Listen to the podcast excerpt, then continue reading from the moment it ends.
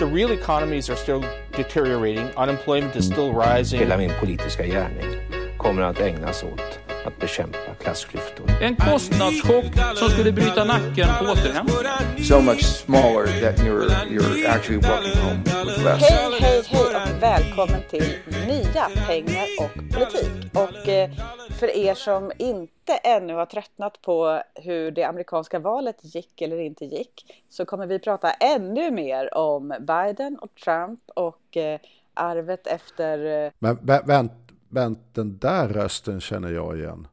Det här är ju gamla pengar och politik. Men vem är du egentligen i nya pengar och politik? Jag heter Jenny Lindahl och eh, förut så jobbade jag med dig med den här podden bland annat. Se där, nya pengar och politik. Ja, jag är som alltid Sandro Scocco. Eh, och helt enkelt, det är detta som vi nu lanserar som är det nya pengar och politik. Och vi utlovade i förra avsnittet. Och då har ni redan gissat vem som är co-pilot i nya pengar och politik. Det är helt enkelt den gamla stjärnan Jenny Lindahl. Och eh, du är ju då Inte längre chefsekonom på Arena. Nej, precis. Och jag är ju inte längre chef för Arena Opinion. Nej, Utan nu är vi bara två helt vanliga människor. Sköna dudes som snackar ekonomisk politik och annat. Ja, vanligt folk. Vi är van... Jag vet inte om jag kände mig så otroligt ovanlig när jag var chefsekonom på Arena i det heller. Men, men eh, ja, vi, vi, vi tillhör det titellösa folket i det avseendet. Eller i varje fall inte våra gamla titlar. Nej, precis. Alltså titlar har man väl alltid med sig. Ja, man, ja det tyckte jag. Jag lärde mig ju det faktiskt för inte så himla länge sedan att eh, man alltid kallade en president Mr President. Ja, exempel. precis. Hur länge sedan det Oavsett, var. Hur länge, ja. Men vi är helt enkelt eh, old school pengar och politik som har återuppstått i en eh, ny form och utan associationer i övrigt. Så är det bara vi två nu som driver pengar och politik helt enkelt. Ja. Du, Och det, det är väl kul. Hur känns det att vara back in business? ehm, ja, jag känner att jag har varit i business ju, fast kanske inte i den här businessen. Jag har ju ändå hållit på och grejat en massa. Det känns Ja, inte som att jag har varit sant. ledig bara för att jag inte spelat in. Nej, men hur känns det att vara tillbaka till pengar och politik då? Det känns jätte, jättekul. Jag är väldigt pepp på det här. Vi har ju, så jag menar, som jag sa i sista avsnittet, jag lärde mig väldigt mycket av att eh, ha de här samtalen. Eh, både på att läsa på inför och på allt som, eh, allt som man tog reda på och sådär. Men, eh, men inte minst av själva brytandet av uh, idéer och tankar. Som till Ja, det- exempel huruvida man alltid bär sina titlar med sig och så. Ja, ja exakt. Nej, men vi, vi är helt enkelt vi, vi är på vår egen bildningsresa som delas av andra helt enkelt. Ja. Nu, nu när vi är helt fria, vi Mm. bara kan göra vad vi vill. Alltså inte Till skillnad inte mot förut. Jag vet inte, men vi är ju i alla fall ännu mer fria nu. Ja, vi är, nu är vi tokfria. Då tänker jag att då ska vi väl ändå knäcka Cervenka-rekorden, Ja, det tycker jag. du och jag. Det, ja, klarar vi det, väl. Det, det är en hög ambition, men eh, han är uppenbart djupt älskad. Men Utan vi, vi, gäst. Utan gäst, vi satsar på det. Ehm, Men då kanske man ska ha något mer klickvänligt än ännu, ett, eh, ännu några som gaggar om det amerikanska presidentvalet. För jag vet att det är några som, som börjar liksom få nog. Ja, men det håller jag helt med om. Det börjar till och med jag. Va? Och framförallt så bör man ju få väldigt nog av den här rösträkningen. Alltså det, till och med jag kan ju bli lite så här, herregud, hur lång tid ska det ta att räkna? Liksom. Men, alltså det där tror jag man underskattar ibland. Alltså det, det, det, USA är i vissa avseenden ett administrativt u-land. Va? Jag kommer ihåg bara när jag var där för ett antal år sedan. Ja, vad kan det ha varit? Ja, sju, åtta år sedan. Och de fortfarande höll på med det här, vad det nu hette, ADSL och på så här hotellet som ändå var ett hyggligt hotell hade sådär vanlig tv analog liksom. Så, men de hade smackat upp en 42 i rummet så att bilden såg ut som ja, skit helt enkelt. Eh, nej men de, märkligt nog, både tekniskt ibland, alltså de, de får inte ut tekniken. De är ju väldigt avancerade på spjutspetsarna men administrativt, sådana här saker som att räkna röster och sånt mm. där, så är de ju på gränsen till stenålder. Men det är också en federalstat, eh, det är ju krångligare än vad vi har. Ja, absolut. Framförallt så har de inte kunnat enas om att ha gemensamma regler. Så att vissa stater får ju till exempel inte räkna några röster förrän vet du, vallokalerna är stängda, som är poströster då. Eh, och andra kan räkna dem tidigare än vallokalerna stänger och så vidare. Så allting är ju liksom väldigt federalt på statnivå när det gäller det här. Ja, men det är väl också så, de värnar ju det, delstaternas självstyre. Det är väl ungefär lika svårt som att röra det kommunala självstyret i Sverige, eller betydligt svårare skulle jag gissa. att komma och säga att delstater ska ha si och så-regler. Ja, jag vet, men det gör ju att det blir lite korvigt också. Mm, dessutom så har de ju, jag menar, man kan ju ofta, man kan ju tänka på USA som när man tittar på till exempel det låga valdeltagandet eller när man tittar på hur liksom man tycker från ett svenskt perspektiv att det politiska systemet ser ut så där så kan man tänka att det inte är speciellt demokratiskt jämfört med Sverige, att här är vi liksom mer demokratiska, men det är på, på många sätt ultrademokratiskt också. När vi går och röstar, då går vi in i en vallokal och så tar vi valsedlar för det parti som vi tycker är eh, bra då så lägger man i dem i ett kuvert och så skickar man in och så är det klart. Och det är max tre valsedlar. Ibland kan det vara Europaval också. Men eh, i USA då är det ju snarare så att man, man får liksom då en A4 med eh, rad efter rad efter rad efter alltså en fullskriven A4 där man då ska välja den lokala brandchefen, eh, man ska välja mm. den lokala skolchefen, man ska välja senator, man ska välja eh, typ eh, distrikts, eh, distriktssheriff, eh, inte vet jag. Alltså typ det är otroligt eh, mycket val att göra. Så att, eh, och sen är det ju de då olika i varenda del, så jag tror inte att det är helt lätt att synka alla de där reglerna. Men man skulle kunna ha bara så här typ att okej, okay, eftersom presidentvalet ändå är någonting som eh, är ganska lätt att genomföra så skulle man kunna separera det från de, Ja, nu ska inte jag komma på att hitta på roliga Nej, men dessutom så finns det ju, jag håller ju helt med dig, att det, det, den har ju en formell struktur som är väldigt demokratisk, där man väljer mycket fler liksom, ämbeten än vad vi gör. Och dessutom de som blir valda har oftast en mycket mer exekutiv makt än det vi har i Sverige. Alltså, det, det här tjänstemannaansvaret som vi har i Sverige till exempel med att generaldirektörer följer lagen och that's it lite grann. Mm. Sen när det vantolkas på ett sätt som är orimligt, att politiker inte får tycka någonting om någonting som myndigheter gör, och det är faktiskt inte alls så. Men man får inte lägga sig i enskilda ärenden och så vidare. Och det är fult att sparka en GD av politiska skäl, även om det har förekommit. Eh, där är det ju tvärtom, där har man ju ett så kallat spoilsystem. Va? Så att när, när, när det kommer in en ny head honcho i systemet så tvättar man ut liksom enorma mängder människor. Men det har man ju också då liksom system för. Va? Att när, liksom, när alla de här tjänstemännen får sparken så liksom fylls universiteten på med professorer och så sitter de och övervintrar i fyra år på ett universitet och så när liksom det är ny head honcho så strömmar det där gänget tillbaka. Så att man har ju organiserat hela det politiska livet att det är svängdörrar mellan näringslivet eh, och särskilt de fina universiteten och så vidare. Så alla är helt vana vid det här. Men det, det, skulle, och det, det, kan man ju liksom ha som utifrån ett statsvetenskapligt perspektiv hur mycket synpunkter på som helst, vilket system som är bäst och vilket som är mest demokratiskt. Men jag skulle säga att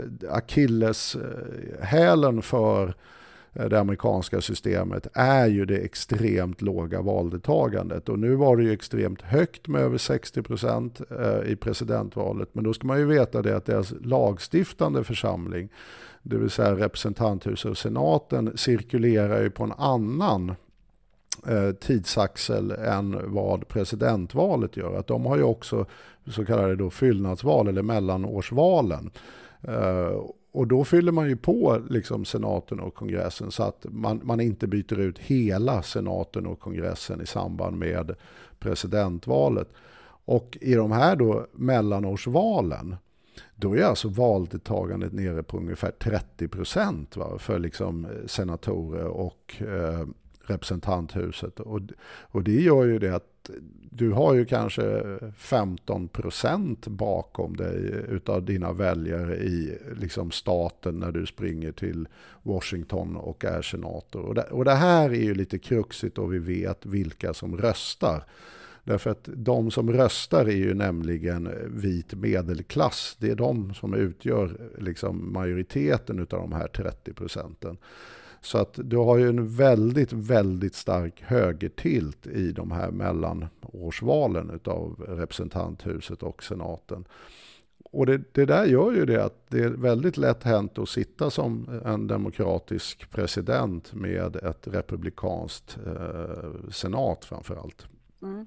Uh, och, det, och det där gör ju att hela systemet kortsluts av de här 30-procentiga valdeltagandet. Så att ska man ha väldigt mycket demokrati så tror jag att man får fundera lite hur man också ska få väldigt många att tycka att det är väsentligt att gå och rösta. Det är väl det som jag tror är deras stora akilleshäl. Och 30 procent, det, det skulle jag säga är nog egentligen inte okej. Okay. Nej, det är det inte. Nej, det är inte det. Men om man, eh, om man jämför då med Alltså, jag, fastnade här på Head Honcho. Ja, Head Honcho. Head Honcho fastnade i huvudet på. Förlåt. Alltså, jag har saknat dig Sandro. vad får du de här? Vad är, vad är det för något? Ja, men det är den som jag bestämmer. förstår ju instinktivt vad det är. men jag känner att det är liksom inte, det är ingen annan som säger. Nej. Ja, jag ska komma ja, vidare. Jag, jag, har saknat dig också Jenny. Ja. vi är lite småsjuka båda två också, ja, sitter vi här på distans. Om, om vi blir lite så här tårmilda och sentimentala utav både nostalgi och självömkan så får ni ha överseende med det helt enkelt. Men jag har inte bara saknat dig ska jag säga, utan jag har också tyckt att det har varit otroligt eh, kul att lyssna på dig och Alicia. Eh, jag uppskattade mm uppskattade Alicias insats. Eh, det var rappt och roligt. Och ja, hon, kul att få lyssna gjorde... på podden också istället för att bara göra den. Ja, nej, men Alicia gjorde en jättestark insats och bara hoppa in där. Och, nej, det var faktiskt eh, väldigt kul också. Så att, nu får vi sakna men, henne men, istället. Ja, nu får vi sakna henne. Jo, men eh, det finns ju, om, man, om vi ska in på ämnet då, som vanligt så, ja. så, så, så, drar vi runt i en 10, kvart, 20 minuter ja. innan vi ens börjar prata om det vi ska. Men eh, när vi kommer in på det här, nu, nu är det fortfarande inte helt avgjort eller vad man ska säga, eller det är avgjort i de flesta liksom rekorderliga människors ögon, skulle jag säga. säga. Folk som ja, har liksom lite koll på vad som händer och vad som pågår eh, och hur det funkar kan då säga ja, men nu kan vi se hur valresultatet blir. Men sen finns det ju ytterligare en tid tills, det, tills varenda röst är räknad och man ska ju räkna alla röster. Ehm, och, eh, inte enligt alla dock. Nej, inte enligt alla. Men eh, ofta, ofta är det just, om, om vi minns, om man drar paralleller då till 2000 eh, när Al Gore förlorade presidentvalet. Så då höll ju han på in i det sista och pratade om att eh, vi måste vänta tills alla röster är räknade innan vi mm. kan säga vem som har vunnit. Fast det stod ganska, ganska klart att han inte skulle vinna. Det stod mer och mer klart att han inte skulle vinna ju, ju fler röster som räknades. Och sen var det de här omräkningarna i eh, Florida. Men den gången så tog det 36 dagar innan det faktiskt var ett eh, eh, fastställt beslut om vem som hade vunnit valet. Sen så tog det ska vi se här, 71 dagar 1824 och rekordet på hur lång tid det har tagit är 115 dagar 1876 när eh, Rutherford B. Hayes och ehm, eh, förlorade mot eh, demokraten Samuel Tilden. Ja, faktiskt. Det, det, och det där, det där har ju liksom med deras federala system att göra och hur de räknar. Plus juridifieringen, att de är eh, sjukt förtjusta i att eh, stämma folk till höger och vänster. Och det gäller även politiker. Eh, och det är ju det Trump bland annat håller på med nu. Men det, the bottom line i det här valet som gör det kanske extra då liksom utsatt för den här typen av diskussioner vi har nu, det är ju helt enkelt corona. Mm. Att det, det, är inte superbra att samla liksom ja, i runda slänga 150 miljoner människor i vallokaler som står och pustar på varandra och ska lägga sina röster. Och de, det värsta med USA är ju det att det finns ju en mycket, mycket stark politisk tradition av att hindra människor ifrån att rösta. Mm. Alltså, och fuska med geografiska liksom, områden, det som kallas för gerrymandering. Det vill säga att om du vet att här bor det massa republikaner eh, och sen har vet du, massa demokrater och då kanske de där liksom är precis jämna och då, då är det ju jobbigt. Va? Och har man då vet, makten, ja då vill man gärna dra den där ringen mm. i de här valdistrikten så att alla demokrater hamnar på ett ställe och så drar man det så att man får vet, alla republikaner på ett annat och sen så gärna då, så om man kan optimera det där, då vill man ju gärna kanske ha 30% demokrater i ett 70-procentigt eh, distrikt därför att då är ju de rösterna i sjön Exakt. så att säga. Så att det, det, är väldigt mycket sånt där. Plus att de har ju en lång eh, tråkig tradition av att försvåra röstdeltagande, inte minst för den svarta befolkningen. Och man måste registrera sig innan. Det är inte som vi har så här, åh vi går på en söndag, det är så trevligt och tillgången till vallokaler och så vidare. Så det gör ju det att hade man kört det här på vanligt sätt, det hade varit som vanligt också med jättestora köer och folksamlingar och allt det här. Och det, och det, ansåg ju många inte så lämpligt i coronatider och därför har man ju helt enkelt promotat starkt att man helt enkelt skulle poströsta istället. Så att det är ju 65 miljoner poströster, vilket är ju ett, eh, en, ett rekord långt utöver vad det brukar vara. Så att det, det är ett lite unikt val också får man ju säga rent tekniskt hur det har gått till. Ja. Det här gerrymandering som du pratade om, vi, jag, när jag var i, i USA i förra presidentvalet på studieresa med Arenagruppen, då träffade vi en fullmäktigeledamot i, ja, men jag ska inte säga var, eller vem. Även om han själv nog inte skulle ha någonting emot det, för han närmast skröt om hur uh, sitt skickliga gerrymandringande, vad det nu blir för, mm. för ordform på det, mm. om hur uh, ja, men, hur man ju måste rita om och så fixa och greja så att man får optimalt mm. resultat för sig själv och sin, sin möjlighet att sitta kvar i fullmäktige då. Och eh, det tyckte liksom inte han var något konstigt. Eller det var, för vi tyckte ju att det lät lite konstigt. Han satt och pratade om det här och sa jaha, så du liksom sitter och ritar om kartorna. kartorna. Ja, man måste ju göra vad man kan för att sitta kvar, så här, tyck, tyckte ja. han. Jo, men det är mycket som ingår i det här spelet som vi skulle tycka var fullständigt odemokratiskt eller fusk. Liksom. Menar, det är ju som det här när man har tidsgränser för beslutsfattande i parlamentet eller då i kongressen eller ja, i någon del av kongressen. Och då kan man ju så kallat filibustra. Mm. Uh, och, och, då pratar man helt enkelt bort all tid som ärendet har så att man inte kan genomföra omröstningen. Och där finns det ju då historiskt svårslagna rekord när någon står typ och läser Bibeln från sidan 1 till sista sidan. Mm. Uh, så att de har ju en hel del uh, hyss för sig i det amerikanska systemet som vi nog skulle bedöma kändes mer eller mindre tveksamma. Nu höll jag på att säga att det låter som ombuden på Vänsterpartiets kongress, men då känner jag att jag är lite yrkesskadad här för att man sitter och har så här typ tidsschema att hålla sig till. Eh, jag jobbar ju där nu och så ska man liksom försöka få olika saker att inträffa i tid för eh, journalist. Man har sagt det till journalister. Mm. Ja, här kommer det bli pressträff och här kommer det bli så. Mm. Och sen så håller ombuden på. Ja, det är för jävligt med demokrati. Ja, det är det. Ja, nej, men det, det amerikanska systemet är helt enkelt rätt eh, speciellt får man väl helt enkelt säga på många sätt. Yeah. Eh, men, och det gör ju att vi har hamnat i den här sitsen. Eh, men eh, även med det, även det här faktiskt hur man ut, liksom nämner president elect, det vill säga vem som har vunnit valet. Elektorsystemet ja. Ja, alltså elektorsystemet är ju också att man, man Ja. går inte och röstar och den som får flest röster vinner, utan man röstar då på delstatsnivå och varje delstatsnivå har sen personer som man verkligen tycker men ju luktar då inte så konstigt 1700-tal.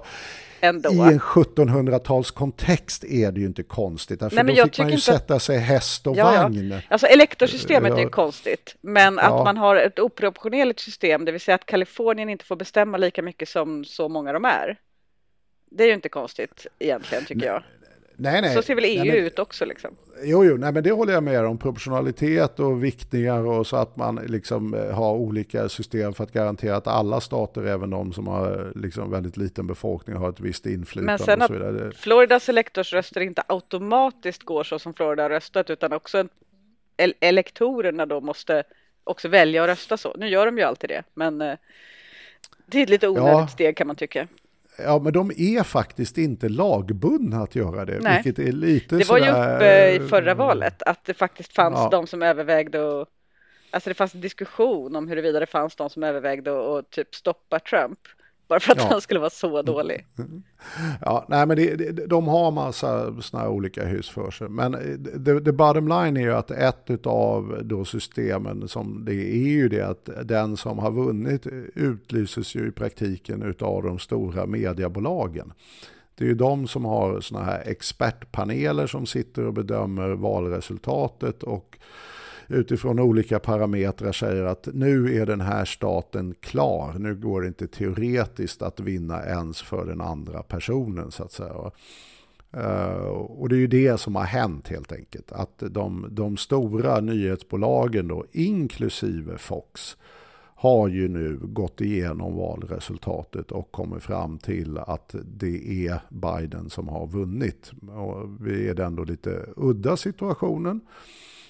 Vad jag tror faktiskt aldrig har hänt om jag ska vara ärlig. Men jag, jag ska inte svära på det. Jag är inte historiker. Men att vi har en president som faktiskt inte förefaller att acceptera valresultatet. Det är väl det, Det, som måste är... rimligtvis ha hänt någon gång.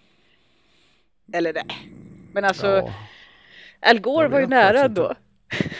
Ja, fast där Han var det ju försökte liksom... ju länge. Ja, jo, fast där var det ju väldigt eh, Florida. nära. Man, slogs ju om Florida och jag vet att det fortfarande finns lite olika uppfattningar om vad som hände i Florida och så Mm. vidare. va. Men eh, här, här är det ju så att det, ett, det, det finns ju liksom inte så mycket att diskutera. Han, han vill ju ogiltigt förklara liksom ja, i princip valresultatet i Pennsylvania.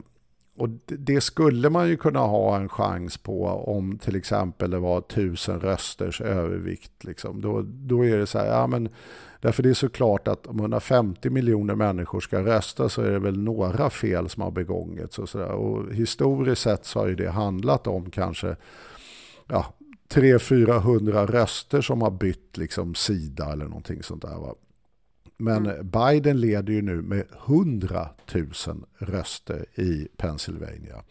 Alltså det, alltså om, om han, om det inte ska stämma, då måste ju liksom Trump i princip ha rätt i att det har funnits något storartat alla Lukasjenko-valfusk i Pennsylvania. Och det kan man väl säga, det är det ingen som har uppfattning att det har skett. Så att där är han ju väldigt ensam. Ska vi Så lyssna det- på vad Trump, eh, hur Ja, Trump det- resonerar Ja, kring eh, resultatet? If you count the legal votes, I easily win. If you count the illegal votes, they can try to steal the election from us. If you count the votes that came in late, we're looking at them very strongly. But a lot of votes came in late. We're still ahead by a lot, but uh, not as many because they're finding ballots all of a sudden. Oh, we have some mail in ballots. It's amazing how those mail in ballots are so one sided, too. I know that it's supposed to be to the advantage of the Democrats, but in all cases, they're so one sided. Ja, men eh, han vill ju alltså att man inte ska räkna poströsterna eftersom det är så skumt att Biden har ett övertag där, att det är uppenbart att det pågår något fusk. Så kan man väl sammanfatta, eller? Ett, så Trumps vanliga precision i sina argument så är det ju fullständigt eller omöjligt att förstå vad han egentligen menar. Alltså, han, han vill räkna lagliga röster, det, det, det är vi alla med på. Men han vill inte räkna olagliga röster och det är vi alla också med på. Att det, det låter ju fullt rimligt det är hans mening därefter som blir lite korvig. Va? Att, eh, om vi räknar bara legal votes, då har jag vunnit typ en landslide. Men om vi räknar också legal votes, då kommer de steal the election. Och nu blir det däremot knepigt. Därför att då, då är den tolkningen man kan ha, är ju precis det du är inne på. att han han definierar ju egentligen poströsterna som illegal votes. Uh, och, och, det är därför han säger att det pågår något skumt här och så vidare. Och, och mot bakgrund av att han har ju i sin coronastrategi varit sådär, äh, jag bryr mig inte, uh, det spelar ingen roll. Uh, det spelar liksom ingen roll att vet, eh, corona finns. Och post, alltså han lanserade ju den här hypotesen om att poströster var fusk får man ju ge honom ändå. Att eh, åtminstone tre, fyra månader före valet skedde. Så att hans uppmaning till sina följare var ju att gå och rösta i vallokalerna. Mm. Och poströsta var skumt. Och, och, Biden då som återigen nu blandas corona in har en helt annan coronastrategi och som liknar mer Europas kan man väl säga sa helt enkelt att Nej, men det här med att stå och trängas och andas på varandra är väl en halvbra idé. Så att vet, eh, jag tycker att ni ska poströsta. Och det, och det gjorde ju folk. Eh, och 65 miljoner har ju poströstat så det är en enorm mängd av de totala rösterna som har poströstat. Och att, att i det läget att de som blev uppmanade av Biden att gå och poströsta de facto gjorde det och de som uppmanades av Trump att inte göra det också då inte gjorde det. Mm. Gör ju att den här idén han har om att det är så konstigt att demokraterna är mycket tyngre i poströsterna den blir väldigt märklig. Mm. Eh, faktiskt. Eh, I ett vanligt val så skulle man ju kanske tycka att ja det var ju konstigt och vad beror det här på om man inte visste att det fanns sådana mönster innan. Men i det här fallet är det ju glasklart. Det är ju, det är ju relaterat till hur respektive presidentkandidat har sett på coronasituationen. Liksom. Mm. Eh, så att, ja, och, och, och menar han att de här 65 miljonerna är olagliga röster, då, då har han ju rätt i att eh, då vann han ju. Därför han vann eh, om man bara skulle ha räknat, eller så har jag förstått det i varje fall. Skulle man bara ha räknat de som gick till vallokalerna vann han. Eh, man kan ju undra om han har varit så djävulusisk listig att han eh, tänkte ut den där planen redan i förväg. Att, men om man ska hålla på och ska man räkna dem så vann han. Men i så fall ska man räkna i så fall eh, då kan man lika gärna säga att Hillary vann för att man räknar eh, antal röster bara. Alltså förra valet. Jag menar, man kan nej, inte nej, bara nej, säga... Nej, men, alltså, missförstå mig rätt. Ja, ja, men jag menar inte att jag tror inte att du tror det. Men jag menar att jag tycker det är konstigt. Alltså det, det är liksom svårt argument att överhuvudtaget jobba med. Ja, fast här, Antingen här gör man vi... enligt reglerna eller också gör man inte enligt reglerna. Och nu var ju det här enligt reglerna. Nej, men jag håller ju naturligtvis fullständigt med dig. Det, det, är självklart att man ska räkna poströster som har lämnats i, liksom, i god ordning. Allting annat är ja. fullständigt absurt. Liksom. Och särskilt liksom... när det är då 65 miljoner. Va? Det, nej, men det, det är ju helt galet. Men man måste jag ge tror... Trump att han tänker utanför boxen när det gäller vad som är möjligt att kommunicera. Ja, och grejen är den att ja, det har ju varit rätt mycket diskussion kring att hela det här att han vägrar att erkänna valresultatet och så konstrar han lite och sen kommer han göra det i någon mening när det blir allt för uppenbart att hans liksom, stämningar och så vidare domstolen faller. Det där är inte jag alls så säker på. Jag, jag tror att han håller på att putsa på en så kallad dolkstötslegend. Va? Mm. Eh, det var ju general Ludendorff efter andra världskriget mm. Eh, som faktiskt i samtal med en brittisk journalist lanserade att de tyska trupperna var obesegrade på slagfältet men man fick en dolkstöt i ryggen utav politikerna, läs socialdemokrater och kommunister och sen vart det då mer twistat åt eh, judar så att säga. Eh, men i början var dolkstötslegenden byggd på att man fick liksom eh, den här dolkstöt, armén fick dolkstöten i ryggen av socialdemokrater och kommunister. Uh, och att de, ha, de hade vunnit kriget om de bara inte hade fått den här dolkstöten i ryggen. Mm. Och det där blev ju liksom ja, en stor del av hela den här liksom politiska förståelsen inom högerextrema kretsar då mm. under mellankrigstiden och som eh, ja, fick en väldigt stark bäring på den politiska utvecklingen sen. Sen bytte man förvisso ut det mot judar då. Men, eh, Eh, och det, jag tror att man egentligen håller på att bygga upp nu samma eh, liksom, konspiration. Därför det där var ju inte heller sant överhuvudtaget naturligtvis. Va? Men det passade Ludendorff som hade de facto förlorat kriget och han var ju en av de främsta generalerna att lansera att det inte var mitt fel. Uh, och här tror jag vi håller på att bygga upp, eller Trump håller tror jag på att bygga upp en, en ny dolkstötslegend helt enkelt. Att jag, jag skulle gissa i dagsläget att han aldrig, han kommer nog erkänna att han är tvungen att lämna Vita huset. Det, jag tror inte han kommer bli avhyst av polis, men eh, jag skulle gissa att han aldrig kommer att erkänna att det här var ett korrekt genomfört val. Utan, jag tycker bara att det liksom det måste finnas eh, trovärdigare sätt att eh, anklaga den andra sidan för valfusk än att bara säga att poströsterna inte ska gälla. jag tycker att ja, det är lite... Det, det, det, är inte det han gör. Han, han gör. Det var det jag in, var inne på i början. Va? Alltså, han gör ju inte det, utan han säger ju att man ska räkna legal votes och inte illegal votes. Ja. Men var det där inte illegal votes? Jag tror inte han någonsin har sagt att alla poströster är illegals, utan Okay. Det, det är mer att det är i poströsterna det, det är mer Biden-rösterna som är illegal. Ja, de, de har fyllt på de här ja. postlådorna. Det dyker med, upp Biden-röster äh, överallt. Rudy Giuliani, denna tokstolle, äh, sa ju att, ja, vad jag, och det är ju så konspirationer byggs, därför sen blir ju det sanningen då. Vad jag vet så kan ju Biden ha röstat 5000 gånger. Det är mycket vad jag vet. Mm. Jag vet inte. Jag vet inte att det kanske var bara 300 000 röster men plötsligt står det 3 miljoner. Var kom de där nollorna ifrån? Jag vet inte. Om man är, därför de röstade Nej. kanske. Alltså, förstår, det, det är mycket jag vet inte men det, det är därför jag tolkar det här Jag ställer bara pågår. frågan. Jag ställer bara frågan. Va? Att ställa och, frågan.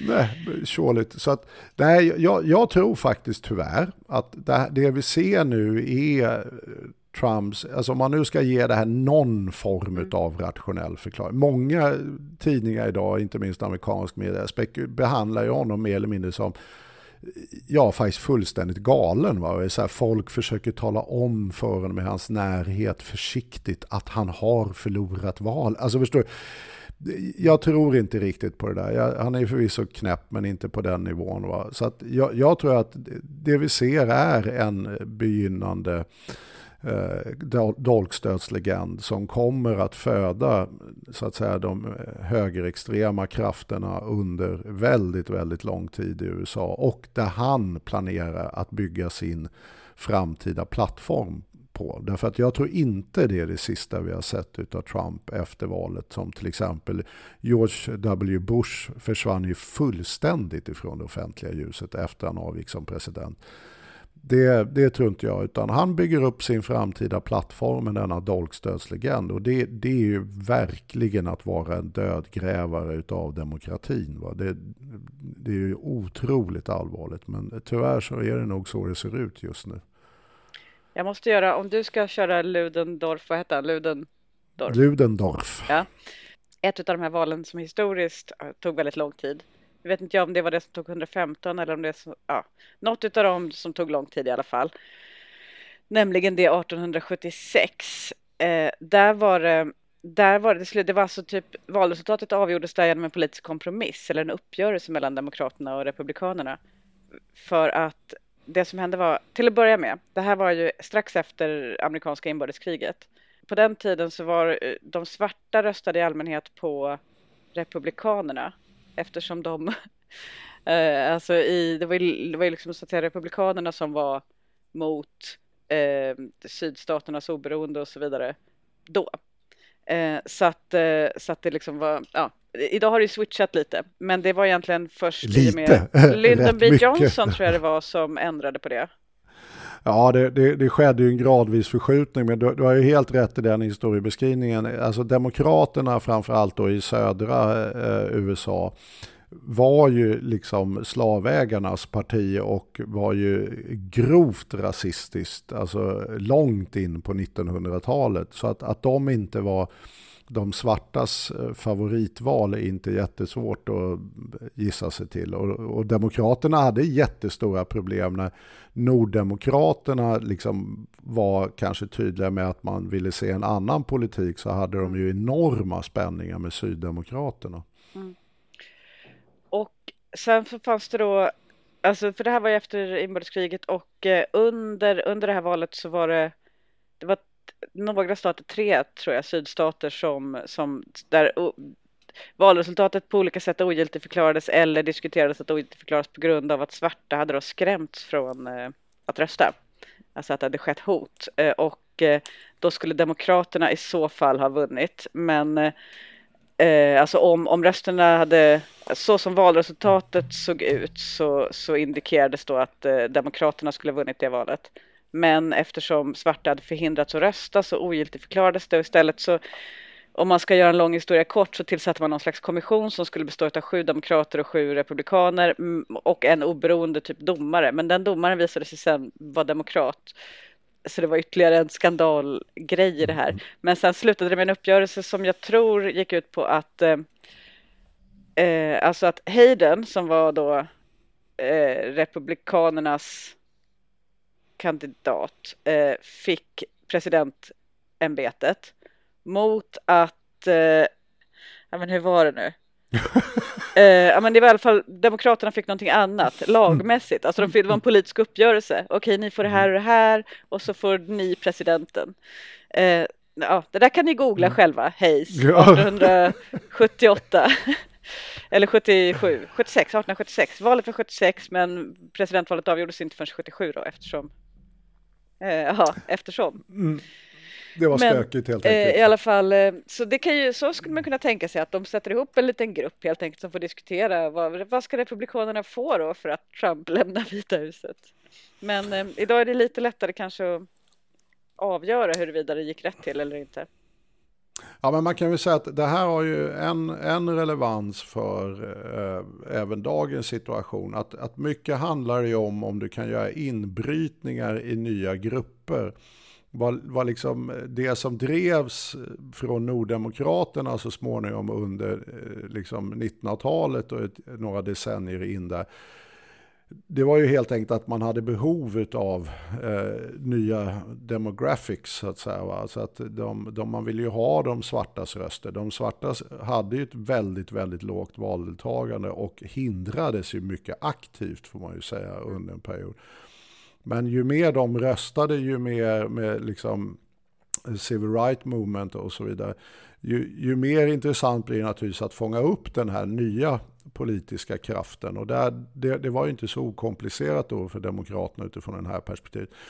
Det, det, är här jag har sett sådana diskussioner även angående Trump. Att mer ja, analytiskt lagda personer, eh, typ eh, National Review som är en sån här stor konservativ think tank i USA. Va? Alltså, och som hyser lite alla möjliga konservativa människor. Allt egentligen ifrån libertarianer till de här nya nationalhögerinriktade personerna. Liksom.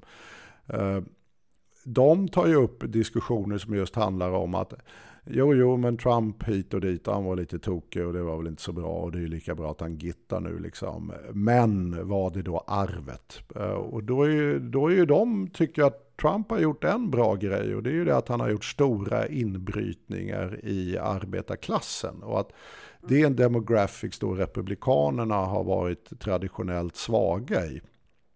Eh, utav inte minst historiska skäl och att Demokraterna ligger liksom mer till vänster och för omfördelning.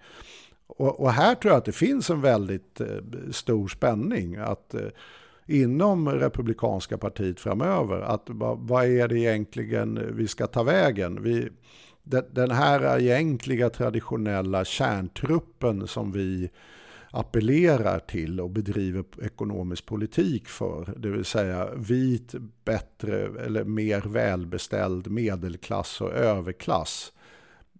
Den räcker inte för att vinna demokratiska val längre. Va? Så att vi, vi måste antingen gå diversity och ta in liksom andra etniciteter. Eh, och det, det var ju det som var huvudspåret faktiskt under liksom den tidigare för sig 15-20 år sedan mm. så var man ju inne på att nu måste vi gå liksom mot hispanics och blacks och så vidare.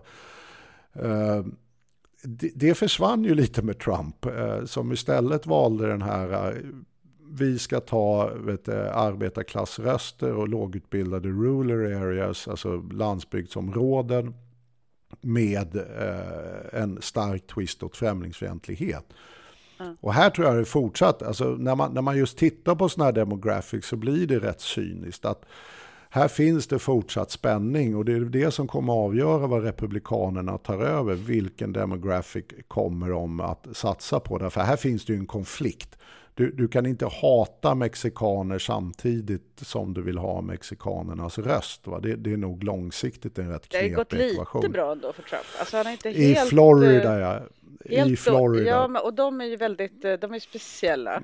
Eh, de är ju det, och det är ju så här Kuba-festen och väldigt så vidare. Väldigt antisocialistiska och så. Men ja. samtidigt, alltså, jag menar Kalifornien går ju dåligt, men i Texas och så här, typ, det har inte, alltså det finns ju, det finns mycket, det finns en hel del latinos ändå som röstar på Trump.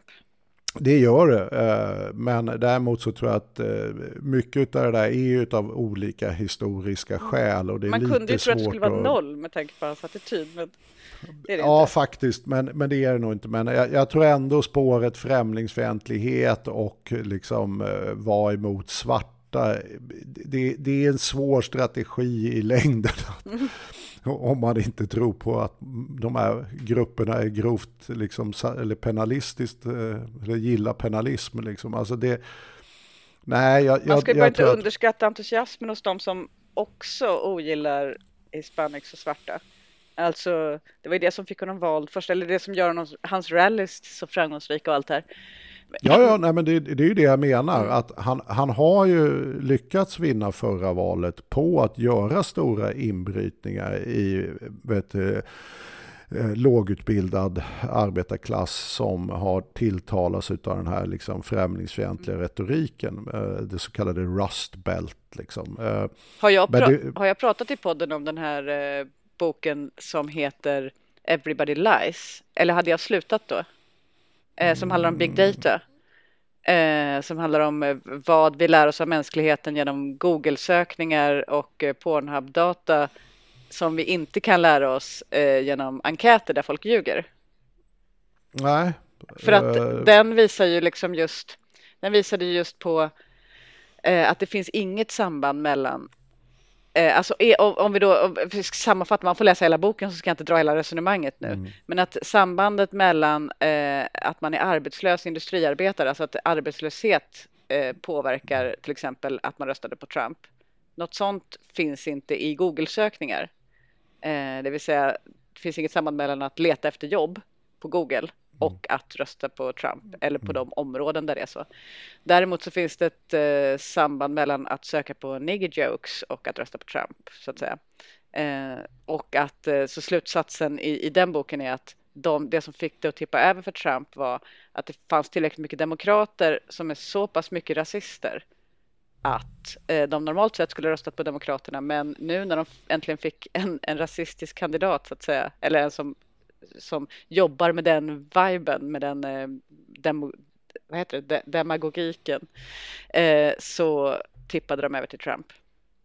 Ja, men det, det, det, ligger ju naturligtvis någonting i det, men samtidigt får man ju konstatera det att det finns ju också andra samband som är mera factual i någon mening och det är ju det att de områden som har haft en väldigt, väldigt svag ekonomisk utveckling har ju valt att rösta på Trump i väldigt hög utsträckning. Det, och, och det, det är ju en sån här klassisk eh, kunskap om vilka som eh, liksom plockar upp det här missnöjet. Det vill säga att det är just eh, liksom mer eller mindre högernationalistiska grupper. Och det, det handlar ju om att människor som saknar framtidstro. Det finns det ju ett gäng studier på att det, det, att just sambandet mellan inkomst är också svagare. Va? Att man tror att alla med låg inkomst skulle rösta på dessa missnöjespolitiker och det är inte heller sant. Men däremot har man en bild av att det område man bor i, oavsett vilken inkomst man har, kommer att utvecklas dåligt. Det vill säga man har en väldigt pessimistisk framtidssyn. Där har man ett signifikant samband med de som röstar på missnöjespartier. Man, man tycker helt enkelt utvecklingen för sig själv och för mitt område, vad det nu definieras som, är väldigt dålig. Va? Så att, och det är ju typiskt Rust Belt, alltså kolgruvorområden och så. Så att det, det är ju personer som är känner sig politiskt övergivna, ekonomiskt övergivna, har en pe pessimistisk framtidstro och dessutom lite schyssta hemmakokade fördomar åt alla möjliga håll mot hbtq, eh, ja, ras och kvinnor faktiskt inte minst. Va? Det, alltså det här är ju, de här personerna har ju oftast alltihop lite grann. Va? Mm. Eh, så att det, det finns ju liksom helt enkelt en underliggande fördomsstruktur man kan utnyttja. Så att jag, jag köper nog inte riktigt bilden av att ja, men här fick vi äntligen en som sa schyssta rasistiska grejer och sen hoppade vi på tåget. Utan jag tror de här andra pusselbitarna måste till innan man hoppar på ett sånt tåg helt enkelt. Mm. Jag säger att det, var, att det fick demokrat, normalt sett demokratväljare att rösta på Trump. Ja, men det tror jag. Men också att han, det tror jag också var kopplat till att han såg dem eh, lovade att hålla kolgruvan öppen och så här. Alltså han, han är ju populist i en positiv mening där. Och det, det är ju här som är lite kruxigt för högern tycker jag. Att om, om vi håller oss till en rationell värld eh, och det har ju Trump bevisat eh, en masse i den här senaste då presidentperioden. Så är det ju så att vi inbillar ju oss att människor som har ett visst intresse av någonting ska rösta på någon som liksom gynnar deras intressen. Det är liksom mm. en otroligt traditionell föreställningsvärld. Va? Och därav så är låginkomsttagare traditionellt mer för omfördelning än vad höginkomsttagare är, vilket är oerhört rationellt för båda grupper. Här lever vi i en värld där, där människor aktivt röstar emot sitt egen intresse. Mm. Men faktiskt tror att de gör det. Att de, och det, och det, jag tyckte att det var väldigt kul, för jag tycker att det finns någonting med Trumps track record, det vill säga vad han har gjort, som är väldigt märkligt. Och det är det att någon, tror jag var, till och med CNN var ute och intervjuade människor. De var så här, någon professor där som sa att ja, men folk verkar vill, gilla Trumps ekonomiska politik för det har gått så bra men eh, gillar inte Trump utan skulle egentligen vilja ha Trumps ekonomiska politik med Biden som president typ. Liksom. Mm. Uh, och, och den där bilden har jag väldigt, väldigt svårt för. Därför att det, det, när man tittar på Trumps track record, och då kan man bland annat då om man är liksom en sån som gillar att googla upp grejer, så kan man titta på Cato Institute som mm. i USA. De skrev i 16 oktober då i år, så skrev de en kommentar då på en utvärdering av Trumps ekonomiska policy. Och då, då tyckte jag ändå att det var lite kul, för sånt kan jag ägna mig åt. Att det är väldigt kul att se vad polarna tycker. Uh, därför det här, Cato Institute, är nämligen finansierat och grundat av familjen Kock. Mm. Och är extremt långt ut på högerkanten. Så att jag tänkte att det är kul att se vad de har tänkt till här. Va? Och de lyckas naturligtvis med det här tricket att titta på hans skattesänkningar och säga att Ja, men här gick det ändå väldigt bra tyckte han. Och bilden av att de bara ger till de rika är inte sant. Och så har de gjort det här gamla vanliga, att de tittar på hur mycket procent man betalar i skatt och efter hans den här skattereformen eh, som han lanserade. Eh, och då tittar de på det och säger så här, ja, den sista, liksom längst ner, de 20% med lägst inkomst, Eh, de betalade 2,5% i vet, inkomstskatt till då staten. Därför det Trump kan bestämma är ju staten, inte delstaternas skattenivåer. Det vill säga att i princip så betalar ju inte de fattiga någon fed, eh, liksom federal inkomstskatt utan de betalar ju delstatlig inkomstskatt. Eh, och då så säger ja men titta här, nu betalar de bara 1,1 procent istället för 2,5. Det är minus 56 procent. Det här är ju då människor som har typ en årsinkomst på mindre än 150 000 om året. Eh, och de får alltså en procentenhet lägre eh, inkomstskatt. Mm. Så de får en procentenhet på 150 000. Men i och med att de betalar två förut så är det ju en halvering. Va? Men mm. i pengar räknat typ en korvbrödrulle i veckan. Ehm, och så tittar man igenom där, då ser man ju det att ja, men här nere är det rätt stora procenttal. Korvbrödrulle? Nej, men korvbröd då. Korv med bröd. Korvbrödrulle. Tunn, förlåt, tunnbrödrulle skulle ja. det vara. Uh, och då ser man ju att ja, men de har rätt mycket i procent i change så att säga. Va? Men sen så tittar man då på de högsta inkomsterna, alltså de här som ligger då 10 eh, rikaste och upp till 0,1% rikaste. Och är man då 0,1% rikaste då har man en inkomst på minst 30 miljoner. Vänta, 0,1 procent, inte 1 procent rikaste utan 0,1? Nej, 0,1 procent rikaste. Oj, eh, det skulle man vara. Ja, det skulle man vara. Det är ju de som är riktigt ja. rika. Och då är ju det här inkomst-thresholden, det vill säga att de absolut fattigaste i det här gänget har en inkomst på 30 millar eh, årlig då. Mm. Uh, och de får då 4 procentenheter i inkomstskatteminskning på federal nivå. Men det är ju bara 12 procent i minskad federal skatt. Men å andra sidan är det liksom för de som är absolut lägst inkomst så är det en och en halv mille i minskad skatt. Mm. Istället för tusen spänn i minskad skatt för de med lägst inkomst. Va? Så att det, det, här är ju till och med när man läser Cato-institutets mm. egna siffror och bedömningar på vad de här skatteeffekterna varit så är det ju helt uppenbart att ser man till pengar så är det här en vinstlott från hell för de absolut rikaste. Och då kan man ju ta hans då senaste det här med att jag gjorde en sån enorm eh, jobbpolitik. Vi hade ju den lägsta arbetslösheten och så vidare.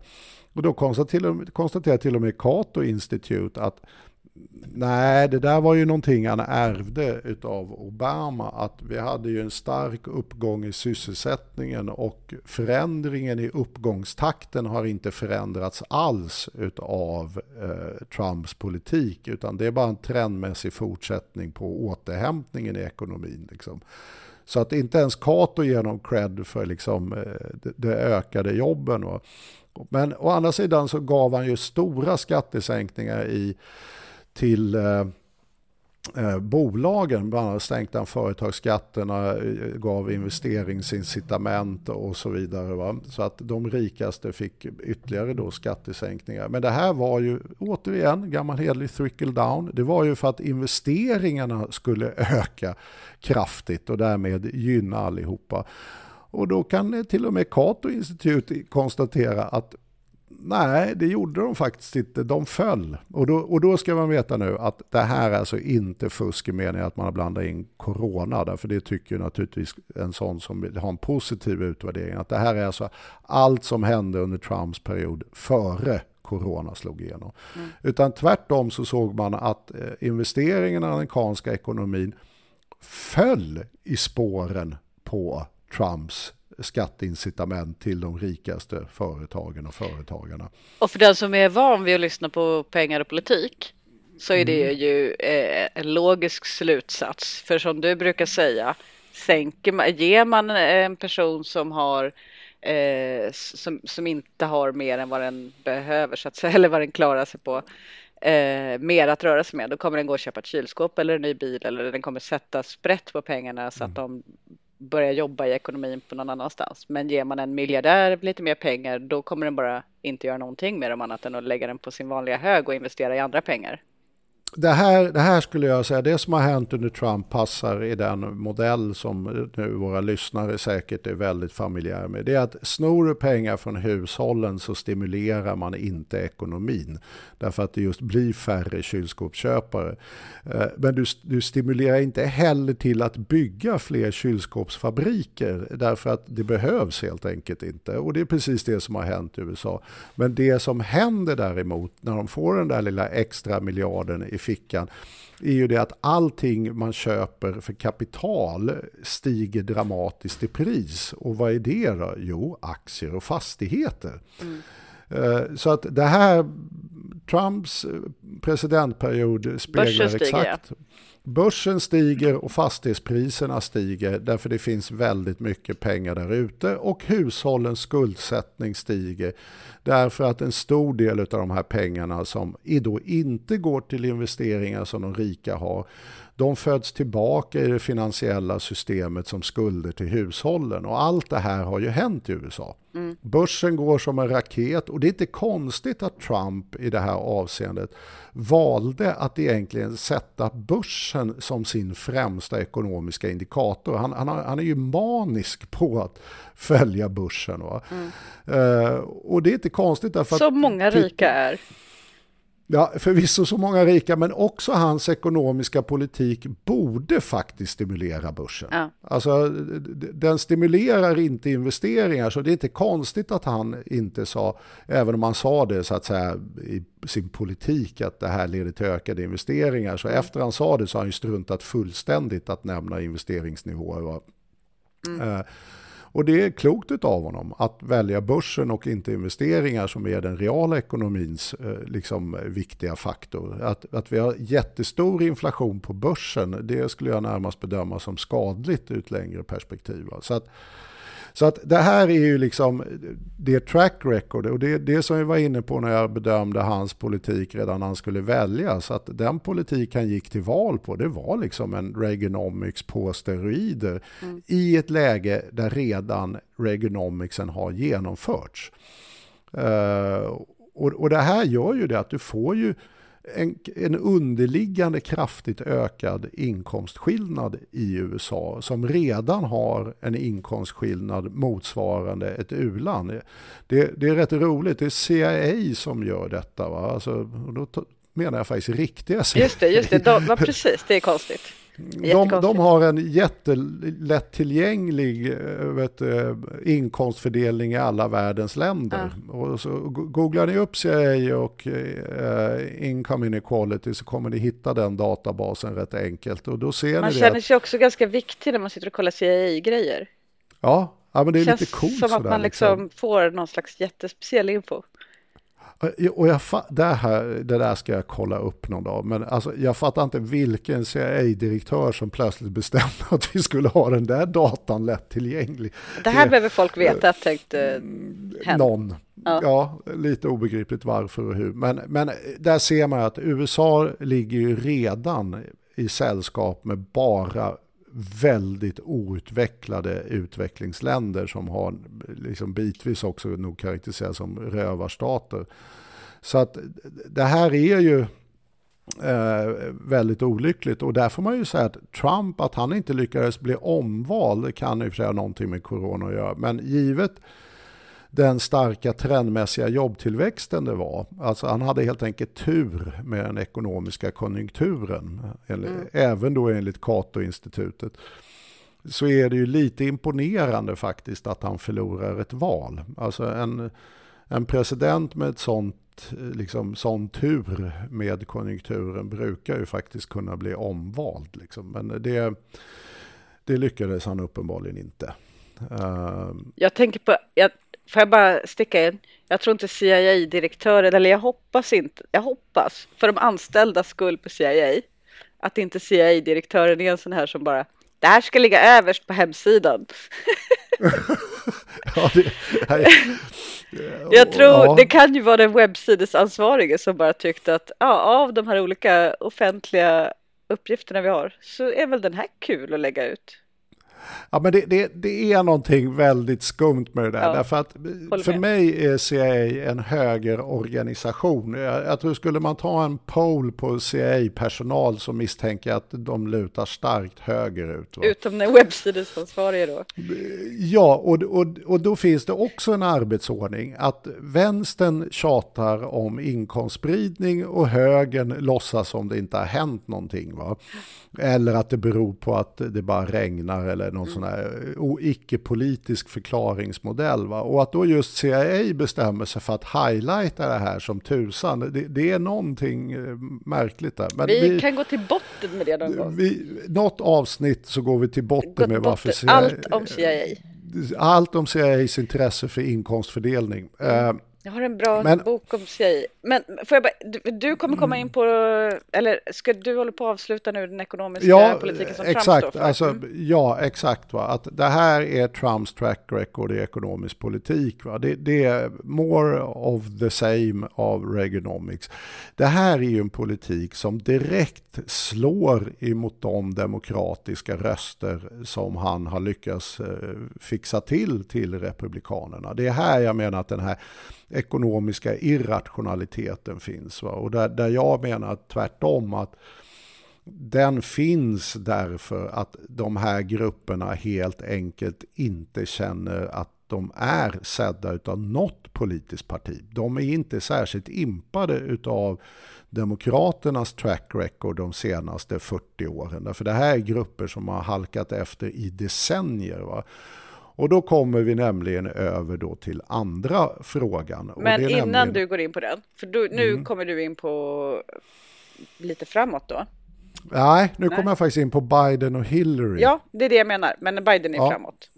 Ja, Biden är framåt. Eh, det var så jag tänkte. Men Ja. för att jag skulle vilja göra en, en, en, en, en, en liten avstickare, två, tre, ja, nej en, vi säger en. Jag får, jag får försöka begränsa mig här. Ja. Men på, Ja, jag gör inte det så. Feel free. Ja. ja ja, men eh, jag, jag tar hänsyn till lyssnarna, du behöver inte, du kan, du kan vara dig själv Sandro, men eh, Tack. och så är jag mig själv, den som bryr sig om att alla mår bra. Ja, vad, Ja, sa du? herregud, jag måste bara Ja. sluta. Okej, Ja. nej men min avstickare här. ehm, för jag tänker kring, alltså kring Trumps legacy då, om vi är där. Så finns det ju ett, ehm, det finns några spår här som, som, som utvecklas i huvudet medan du pratar. Och det Mm. Bra. är, ehm, nej men det första jag tänker på är ju det här med högerextrem miljöns utveckling, hur den påverkas av Trump Mm. och eh, Reaganomics och så vidare. Eh, därför att Trump har ju förutom en massa annat så har han ju också så att säga skapat en länk mellan Breitbart-miljön och högerextrem miljö i USA. Eh, fascister och så vidare. Och han har också flörtat Mm. ganska öppet med dem. Jag menar, han har varit ute och uttalat närmast stöd nästan eh, till, ja, alltså i, i, i situationer. Young boys. Ja. Och eh, så där har det skapats en länk mellan de vanliga högerekonomerna och de vanliga eh, rassehögerextrema så att säga, miljöerna som kanske inte har funnits på samma sätt tidigare. Eh, och det har ju i sin tur, då tänker jag att, för det, jag menar, ta de högerextrema, de är ju mot eliterna. Eh, De är ju ofta mot både den ekonomiska och den politiska eliten. Eh, en, en, en riktig nazist är, gillar ju inte kapitalet så att säga. Eh, en riktig nazist. Eh, sen finns det en gradskillnad någonstans bort till, eh, ja där man kanske då inte, där man, där man är mer så här typ, jag, okej jag ska inte, nu ska vi sluta i den här definitionen innan, innan jag börjar anklaga någon till höger och vänster här för att Ja, jag känner också att det här börjar bli farligt. För, det blir väldigt farligt, så Ja, jag, jag, ja. jag lägger ner det. Men eh, vi, i den här högerextrema miljön så är det i alla fall inte helt okej med liksom, att vara girig eller att vara George Soros eller att vara liksom, typ Bill Gates. Eller, så. Definitivt inte Soros. Nej. Nej. eller Mark Zuckerberg eller liksom, typ, alltså, det Mm. finns en skepsis mot de här stora företags, liksom, de, de, de, Mm. rika helt enkelt. Eh, utom kanske så här om man är rik för att man är kung av Frankrike eller så. Ja, nu är den är ju avrättad, han. För länge sedan. ja, Okej, okay. jag är med dig. Jag tycker att du är med mig, men landat, du tycker inte att mina, det är inte så stringent vi, hittills. Nej, vi har landat tycker jag i en, en slutsats att de är inte spontant väldigt förtjusta i extremt rika människor. Okay. Den här typen av gräsrotsrörelser. Där Då tackar jag, jag för den sammanfattningen. Ja. Och sen så då undrar jag om konsekvensen av Trump. Eh, hur mycket Trump har påverkat den inställningen. Därför att Trump är ju den ekonomiska eliten. Och han har ju renodlat det till att det är den politiska eliten man är emot. Inte mm. den ekonomiska. Och eh, har ju en klassisk så att säga högerekonomisk politik.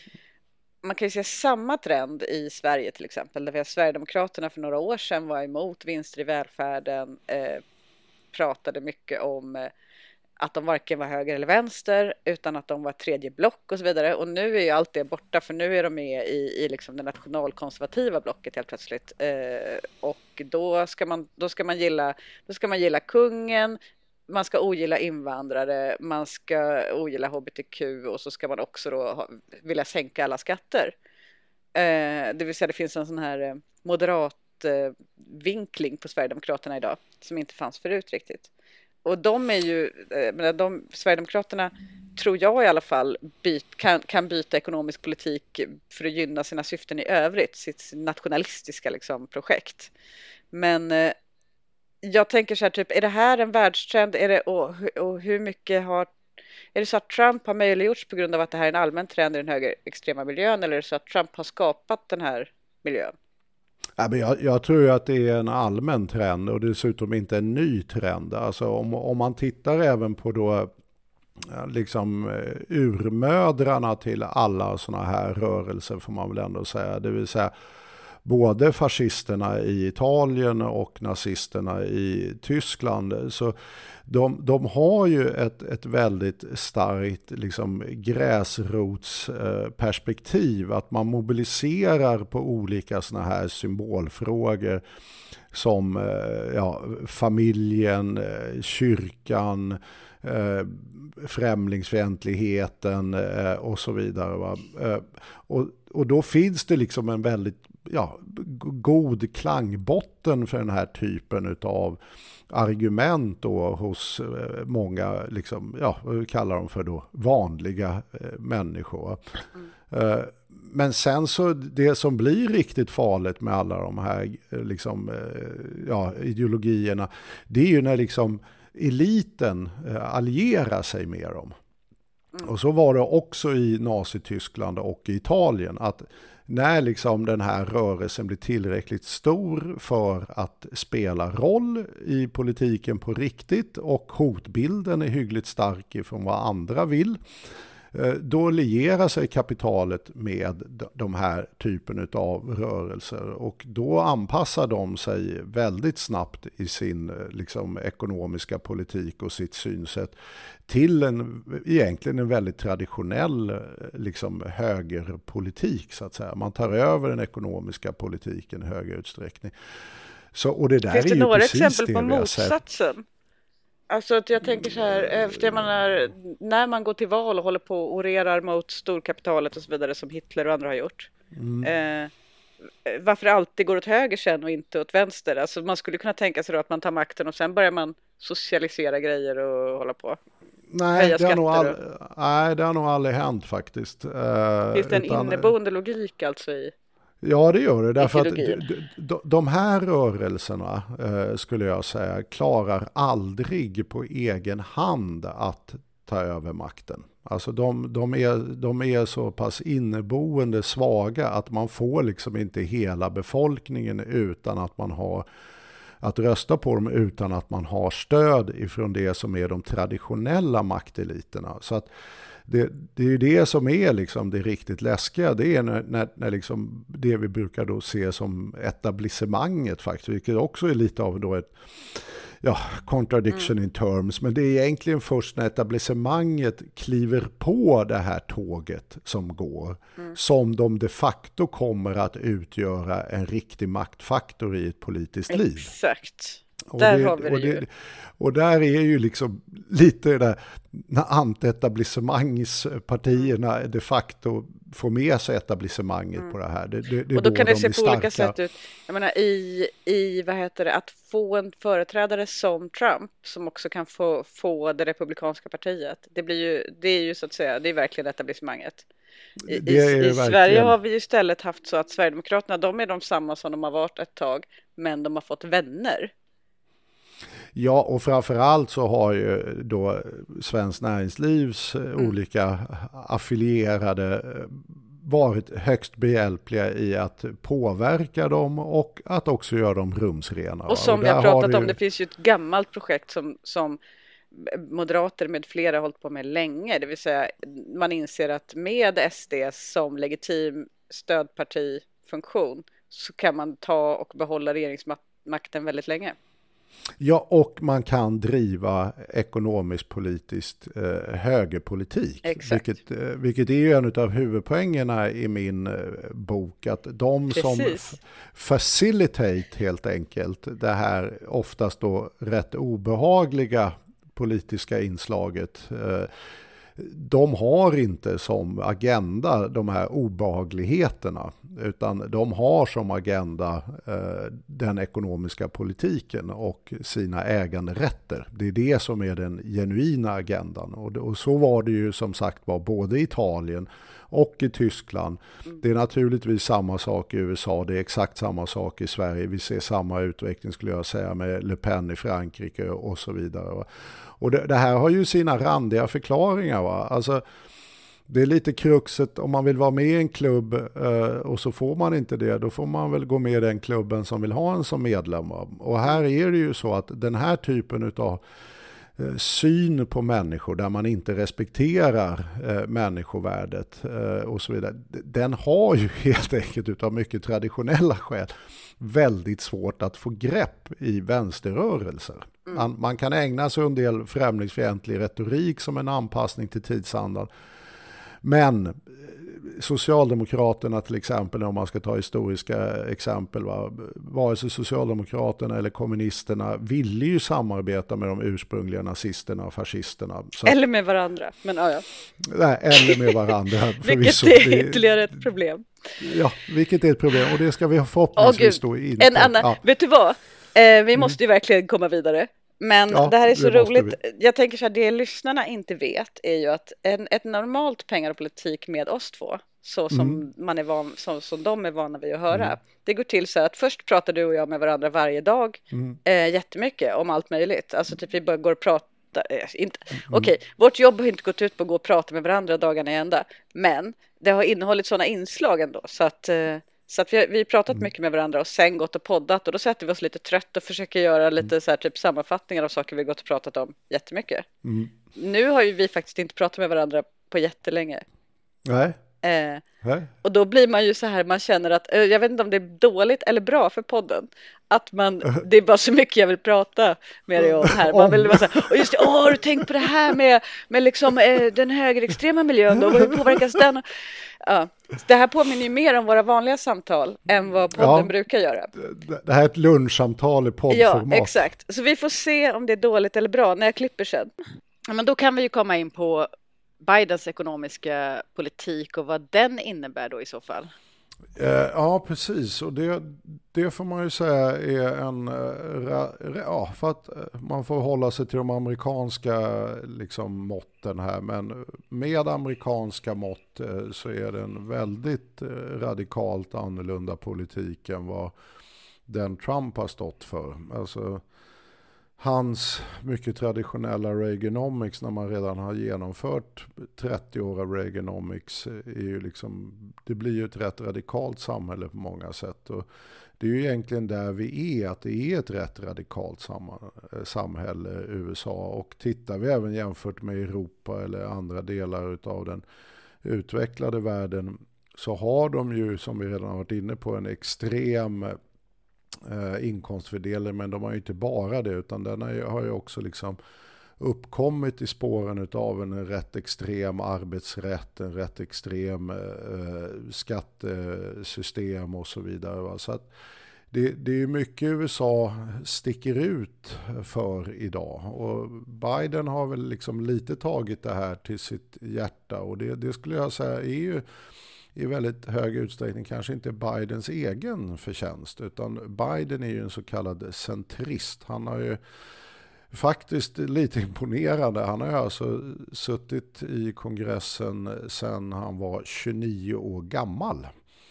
Eh, så han var både alltså väldigt ung när han kom in och helt uppenbart väldigt gammal när han nu tillträder som president. Det är ju en, det är en man som har levt ett helt liv i Washingtons eh, liksom, högsta politiska kretsar och, och, är känd liksom för egentligen att vara en, en fixer och att ha goda kontakter och ja, försöka jämka mellan olika sidor och så vidare. Va? Lite av en polis. Framförallt blev han ju lite känd efter att Obama, eller i slutet på Obamas period, så blev han ju väldigt viral, Biden. Ja. Eh, det var liksom hans genombrott var ju när det började liksom spridas gulliga bilder på när, han, när när, på, på, hur mycket han gillar Obama och hur glad han blir när han får olika typ saker av Obama. Och...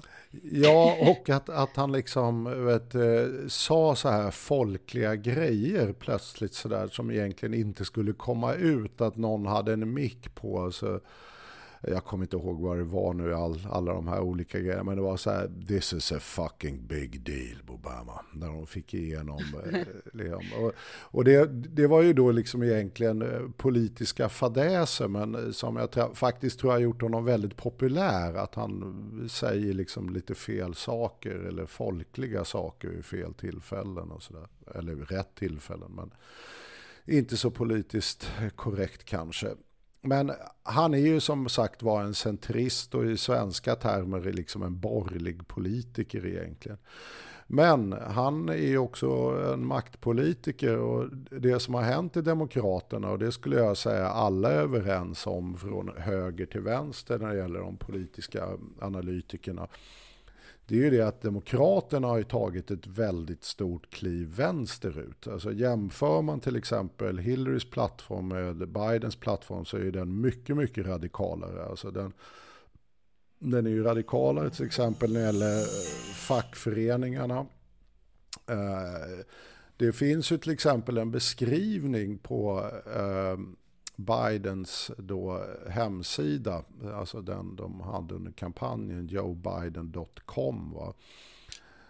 Eh, och där har han alltså oerhört positiva beskrivningar av eh, fackföreningsrörelsen. Det är strong unions built this great Ameri build a great American middle class. Everything that defines what it means to live a good life and know you can take care of your family. The, the 14 hour work week, paid leave, healthcare protection, voice of your workplace. Alltså liksom det, det är ett enormt hyllningstal till fackföreningsrörelsen och dess betydelse för den amerikanska medelklassen och samhällsutvecklingen. Och sen eh, följer liksom ändå en problembeskrivning. Today, however, there is a war on organizing, collective bargaining, unions and workers. It's been raging for decades. Alltså det är ju typ grejer jag hade kunnat sagt. Va? Så att mm. det, det får man nog säga är lite vänster. Och sen It's getting war. Vi, vi ja. pratade ju om när vi, när vi spelade in eh, avsnittet under primärvalskampanjerna eh, med, då spelade vi in i samband med Supertisdagen tillsammans med Leif Pagrotsky. Ja, Men då pratade vi om skillnaderna och likheterna mellan kandidaternas program och jag vill minnas att det vi kom fram till då var ju att Biden eh, försökte lägga sig ganska nära Sanders och Warren med deras vänsterprogram. Ja, exakt. Det är ju det som har hänt. Va? Och det är väl det alla är överens om. Att för, för att vara demokraten som har liksom eh, vänsterflanken i Demokratiska partiet vunnit valet och det handlar ju om sjukvården, det handlar om vet, eh, minimilönerna. Han, han vill ju ha en minimilön på 15 dollar och tittar man historiskt så har ju alltså minimilönen kraftigt urholkats sedan 70-talet. Så den har ju kontinuerligt fallit. Sen hade den en litet återhämtning och sen fortsatte den att falla igen. Uh, och det är ju faktiskt så att många delstater, jag tror ett 20-tal, har ju alltså en högre egen bestämd miniminivålagstiftning jämfört med den då som är på federal nivå. Så att det är inget snack om att den federala nivån har halkat efter kraftfullt. Va? Och nu vill ju han mer eller mindre dubblera minimilönen. Uh, och det är likadant det här med att han ska sätta igång någon slags taskforce, eh, jag tror det var de första hundra dagarna för att stärka fackföreningsrörelsen. Och då talar han ju om arbetsrätt. Alltså han är ju explicit med att han vill, han vill ta bort den liksom löntagarfientliga och den fackföreningsfientliga arbetsrätten. Så att det, det, det, finns, och han inte minst, om vi också tar det ur svensk perspektiv där vi har de diskussionerna, han vill ju göra kraftfulla skattehöjningar på de mer välbeställda. Eh, och mycket av hans skatteprofil bärs ju praktiken av de 10% rikaste amerikanerna och framförallt den rikaste procenten. Det är där han kammar hem de stora pengarna. Och vilket inte heller är så främmande för den svenska diskussionen. Han vill lägga det då på ökad välfärd och göra stora offentliga investeringar. Så att riktningen på det här programmet skulle jag säga är någonstans emellan ett eh, vänsterpartistiskt socialdemokratiskt eh, valplattform. Däremot är ju nivåerna de börjar på är ju helt andra. De har ju ingen generell sjukvård och så vidare. Utan det här måste ju ses i en amerikansk kontext och man måste mer tolka det i riktningstermer om man nu ska jämföra politiken. Därför i, i nivå och i vad faktiska förändringar innebär är det här ingenting jämfört med hur redan det svenska samhället ser ut. Så att det här är ju väldigt tydligt eh, åt vänster. Och, det, och här tycker jag att man ser många analytiker börjar ju redan diskutera det, vilket jag tror faktiskt det ligger mycket i. att Det här behövdes nog. Alltså Hillary, business as usual, jag är kompetent, var nöjd med de senaste 30 årens utveckling så, och rösta på mig. Och ni märker väl att den andra snubben är uppenbart galen och, och det är ju inte jag. Eh, kan man tycka ett tillräckligt gott argument, men det gjorde ju faktiskt inte väljarna, även om man nu vann popular vote. Liksom. Och, och här har det ju gått väldigt mycket bättre för Biden. Alltså det, det här med att det är en väldigt liksom, eh, nära race, det, det, tycker inte jag riktigt är sant. Det är ju bara det just ur det här knepiga systemet de har. Man, man räknar ju idag med att han kommer kanske vinna med 6-7 miljoner röster. Det är en väldigt tydlig eh, seger för så att säga Biden i det avseendet. Och det är väl ganska tydlig i elektorröster också. Den kommer nog att bli ännu tydligare. Den kommer att bli jättetydlig. Men sen är det ju stater som Georgia och så vidare där, där det kommer att bli jämnt. Men Georgia har ju till exempel inte eh, Demokraterna vunnit sedan eh, 1992 om jag inte missminner mig. Eh, och nu leder Biden i Georgia. Men det, det, det, är en stat som det kommer bli omräkning i.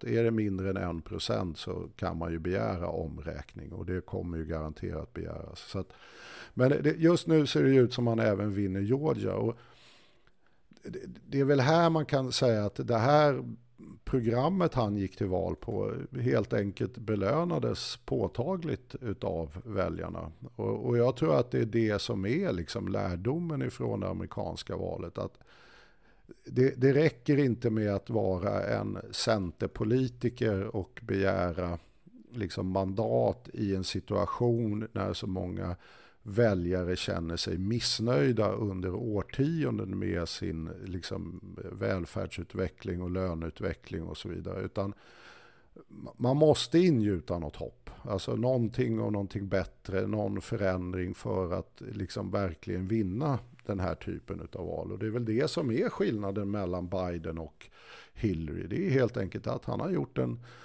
kraftig vänstersväng och därmed lyckas uppbåda lite mera entusiasm. Att han har behållit de gamla demokraterna eh, men även fått med sig de nya som inte kände att det var motiverat att rösta på demokraterna under Hillary. Så att, eh, men det, det är ju en sak att vinna ett eh, val. Eh, på en vänsterplattform och det är en helt annan sak att genomföra en vänsterplattform och då finns det ju om man ska se minst tre stora hinder. Dels att det är sällan är samma majoritetsförhållanden. Jag menar presidentposten är en men senaten och kongressen är, är ju andra val så att säga. Det blir ju andra majoriteter eh, och en annan att eh, det finns ju liksom det, det är inte helt lätt genomförbara förslag. Det visade ju också de, de få grejer som Obama försökte genomföra, att det är inte helt lätt att få igenom. Och sen den tredje, att om, du, om det som du säger då att eh, inriktningen är på en skattepolitik riktad mot de rikaste, då är väl det, det kan väl inte vara någon större skillnad på USA och Sverige eller andra länder. Eller ja, i och för sig, USA är ju större, men det måste väl också vara möjligt för amerikanska miljardärer att skatteplanera och att det blir ganska verkningslös politik i praktiken? Nej, det tror jag inte, utan det, det, finns ju möjligheter att beskatta eh, de rika och jag tror det är en kraftigt överdriven föreställning att alla bara kan flytta runt pengar precis hur de vill. Va? Utan, jag menar, anledningen till att de eh, oftast eh, ylar så högt i samband med sånt här, det är ju naturligtvis därför det spelade roll. Skulle miljardärerna tycka att där, men det spelar ingen roll om du förändrar eh, företagsbeskattningen eller om du förändrar vet du, marginalbeskattningen och så vidare. Utan de bara var så här, äh, det, jag fixar det där med några enkla penndrag. Då, då, tror jag inte de skulle lägga ner de här enorma pengarna de gör i både tankesmedjor, i eh, kampanjarbete och inte minst i själva presidentvalet. Utan det, det, är såklart att det spelar roll. Och just USA som är så stort eh, så spelar det ju roll för hela världen. Det såg vi ju under Obama. att Efter finanskrisen när han började trycka på att ja, men någon måtta får ändå vara på skattesmitandet när liksom, ni kommer till staten och ber om pengar. Så, och det var ju inte lite pengar. utan eh, Eh, liksom hundratals miljarder. Va? Så eh, då måste ni också pröjsa in lite skatt och då visar det sig att det gick rätt lätt att täppa till vissa hål och så vidare. Så att det, jag tror inte alls att det här upplevs som ofarligt utan eh, tvärtom så tror jag problemet är att det upplevs som farligt. Och då är ju det här andra lilla kruxet, det är ju det du var inne på i början, att man måste ju ha ett politiskt eh, liksom, mandat eller möjlighet att genomföra det. Och nu står ju senaten i praktiken och svajar med Georgia. Och en, en republikansk senat, vilket alla verkar ändå inbilla sig att det blir, vad jag förstår så kommer ju det nog bli väldigt, väldigt svårt att genomföra saker som miljardärerna inte riktigt är med på vagnen på. Det är ju väldigt mycket pengar i det amerikanska politiska systemet. Det är inte minst mm. bröderna Koch har ju sina fingrar med i det mesta. Så att det finns ju en stark lobby helt enkelt emot att höja skatterna på de absolut rikaste. Och det, det är ju ett problem Biden har. Att får han en republikansk senat så tror jag faktiskt väldigt mycket av det han vill göra kommer att bli väldigt svårt att genomföra. Och mm. här, här får man nog säga att Obama, även om jag tycker att killen verkar på gränsen till ett geni, eh, faktiskt tappade bollen lite. Att han hade ju faktiskt politiska möjligheter under första mandatperioden att genomföra väldigt mycket och hade kunnat ändra väldigt mycket. Men tog inte den möjligheten därför att han tyckte att det var viktigt att hitta liksom stabila lösningar över tid och så vidare.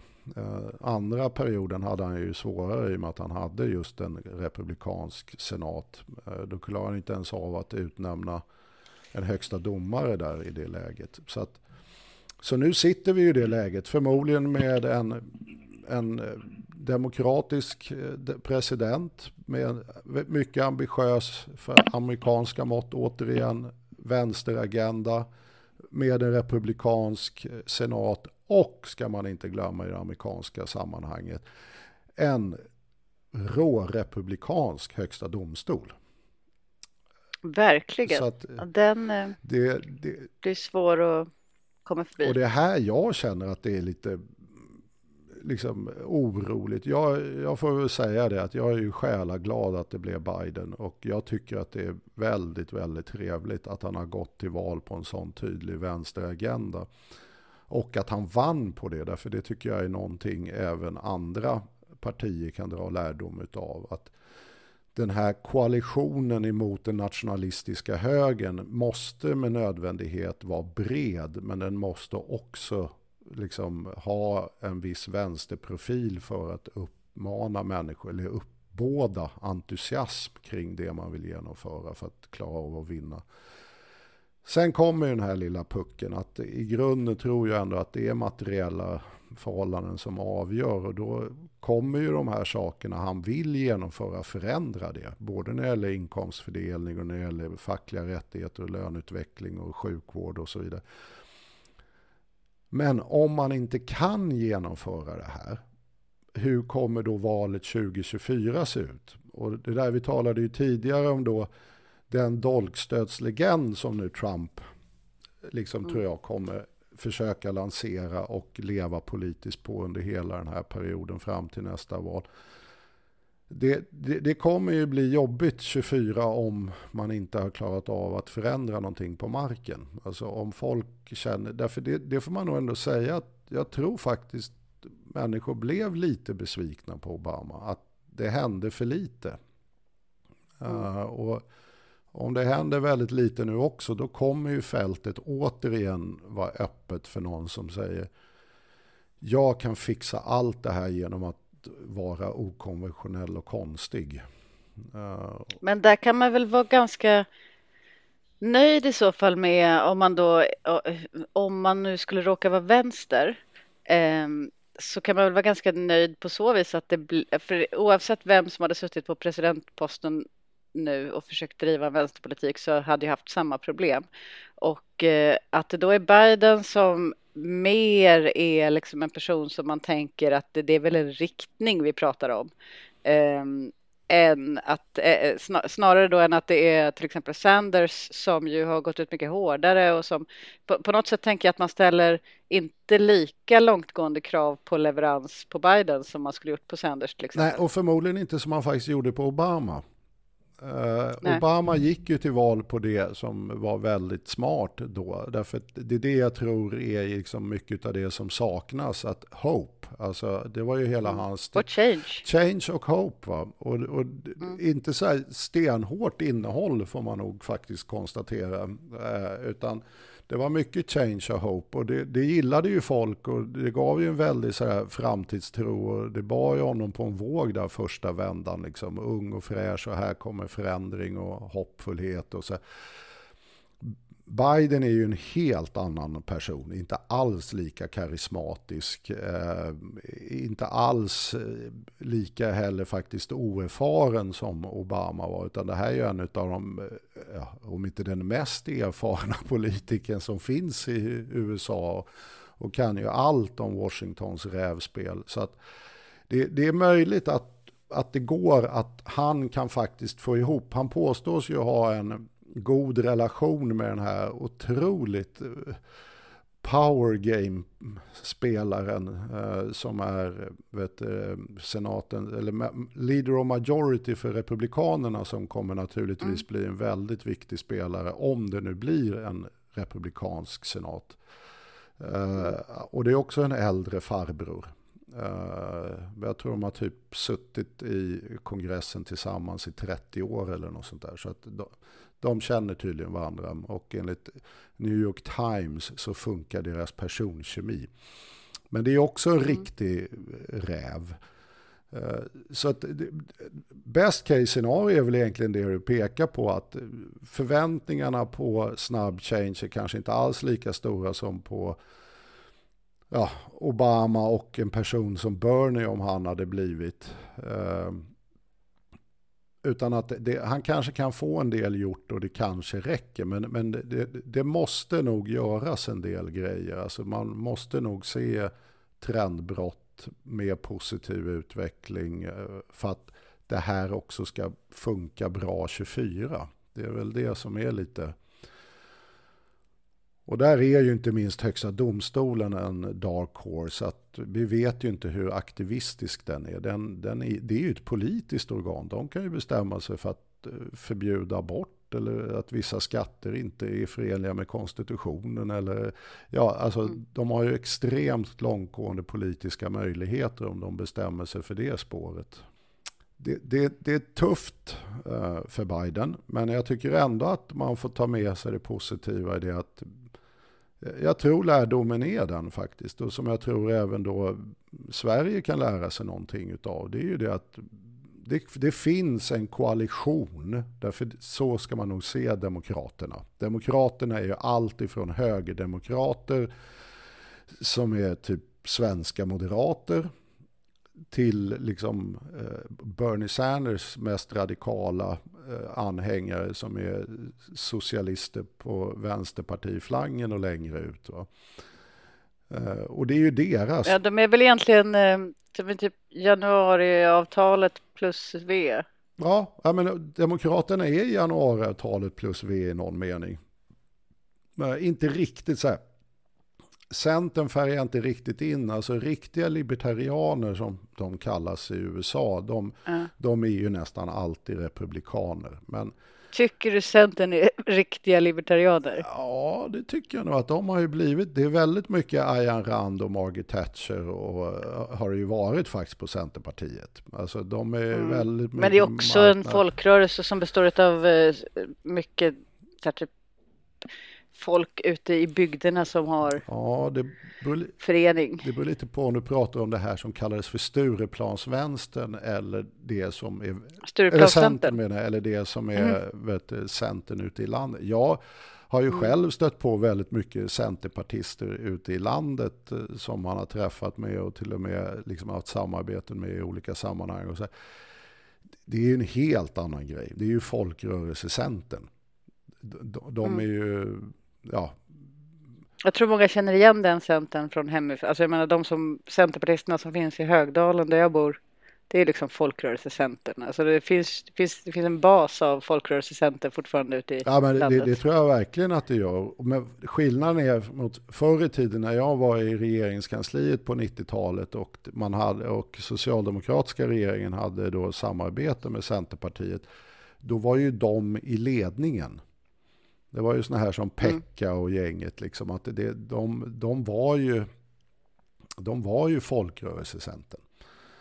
Uh, så att, och många av de där har ju även faktiskt efteråt uttryckt sig väldigt skarpt om den nya Centern. Men, men där gjorde ju Centern en väldigt stor liksom, remake. Att mm. vi, vi, ska bli super, vi ska bli det hårdaste nyliberala partiet i Sverige.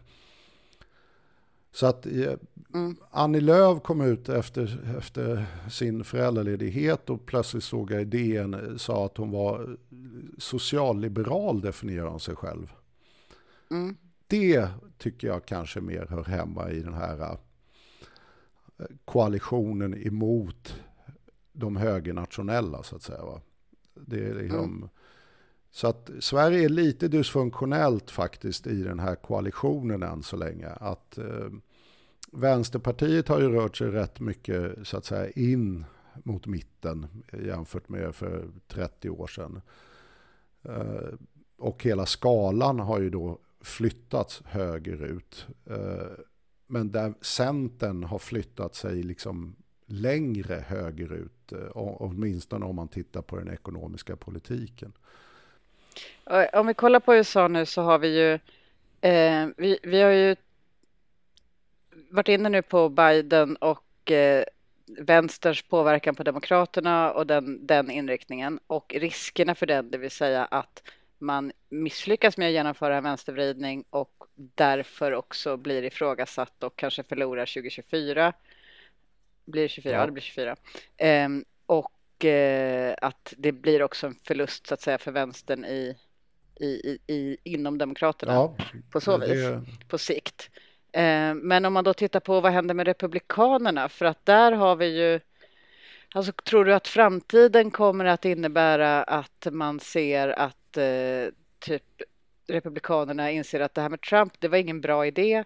Det här med eh, Eh, den, kopplingen till de högerextrema rörelserna, så där, det ska vi långt ifrån hädanefter. Eller kommer man stabilisera ett republikanskt parti som som är inspirerat av Trump. Ja, det, det är det, när man, när man läser liksom, eh, amerikansk högerpress och liksom, eh, tidningar, och bland annat National Review och så vidare. Va? Så, man, man får egentligen en tudelad bild. att Dels är republikanerna väldigt bekymrade över att de har fel demographics. Alltså som vi var inne på tidigare. De har de här vita medelklass och övre medelklass och uppåt som röstar på dem. Och de blir rent befolkningsmässigt färre så att du vinner inte val på dem helt enkelt.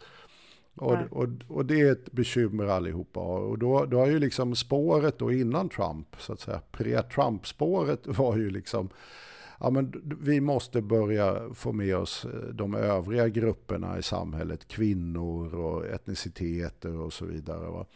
En, en väldigt traditionell liksom, ja, syn egentligen. Sen kom ju Trump och bedrev en helt annan politik och vann på det. Och det var ju att istället plocka demokraternas väljare som, med lägre utbildning och så vidare. Och det, och det här är ju liksom, det här ser ju nu, många republikaner försöker ge eh, Trump cred för detta. Att liksom även de här som har lite tonläget i artiklarna, att han är nog lite tokig ändå. Men vad ska vi bevara? Jo, vi ska bevara det här, hans inbrott i arbetarklassen. Det ska vi behålla. Mm. Och det, det är ju inte mm. konstigt matematiskt. Det, det jag tycker då är väldigt kruxigt, det är ju det här med att det har ju byggt det helt och hållet på främlingsfientlighet. Uh, och faktiskt en väldigt uh, trist uh, bild av jämställdhet. Alltså det är ju den klassiska mm. bilden som finns i de här miljöerna. både misogyn och främlingsfientlig. Va? Mm. Den är ju inte optimal när man försöker fånga då fler kvinnor och fler personer med till exempel annat ursprung. Alltifrån då mexikaner till andra. Va?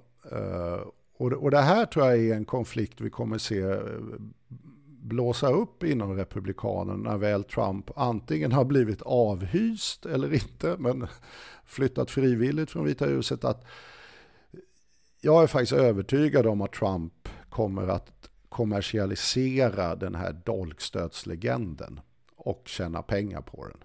Eh, det, det, mm. Och det kommer föda kraftfullt de här liksom mer högerextrema och främlingsfientliga miljöerna där han redan är väldigt, väldigt stark. Eh, så att den miljön kommer nog fortsätta att vara stark. Och det kommer spela roll för republikanerna. Eh, just ur det här att de där rösterna vill vi ha. Samtidigt... Den där miljön är ju väldigt stark också i hela världen. Alltså det är inte, det är inte, det är inte Trumps nej, nej. som har skapat nej, den. Utan det här är ju en våg som har pågått eh, länge och som det är ju verkligen en rörelse och som på något sätt också då är ihopkopplad med eh, diverse konspirationsteorier, eh, diverse idéer om eh, världens beskaffenhet så att säga som eh,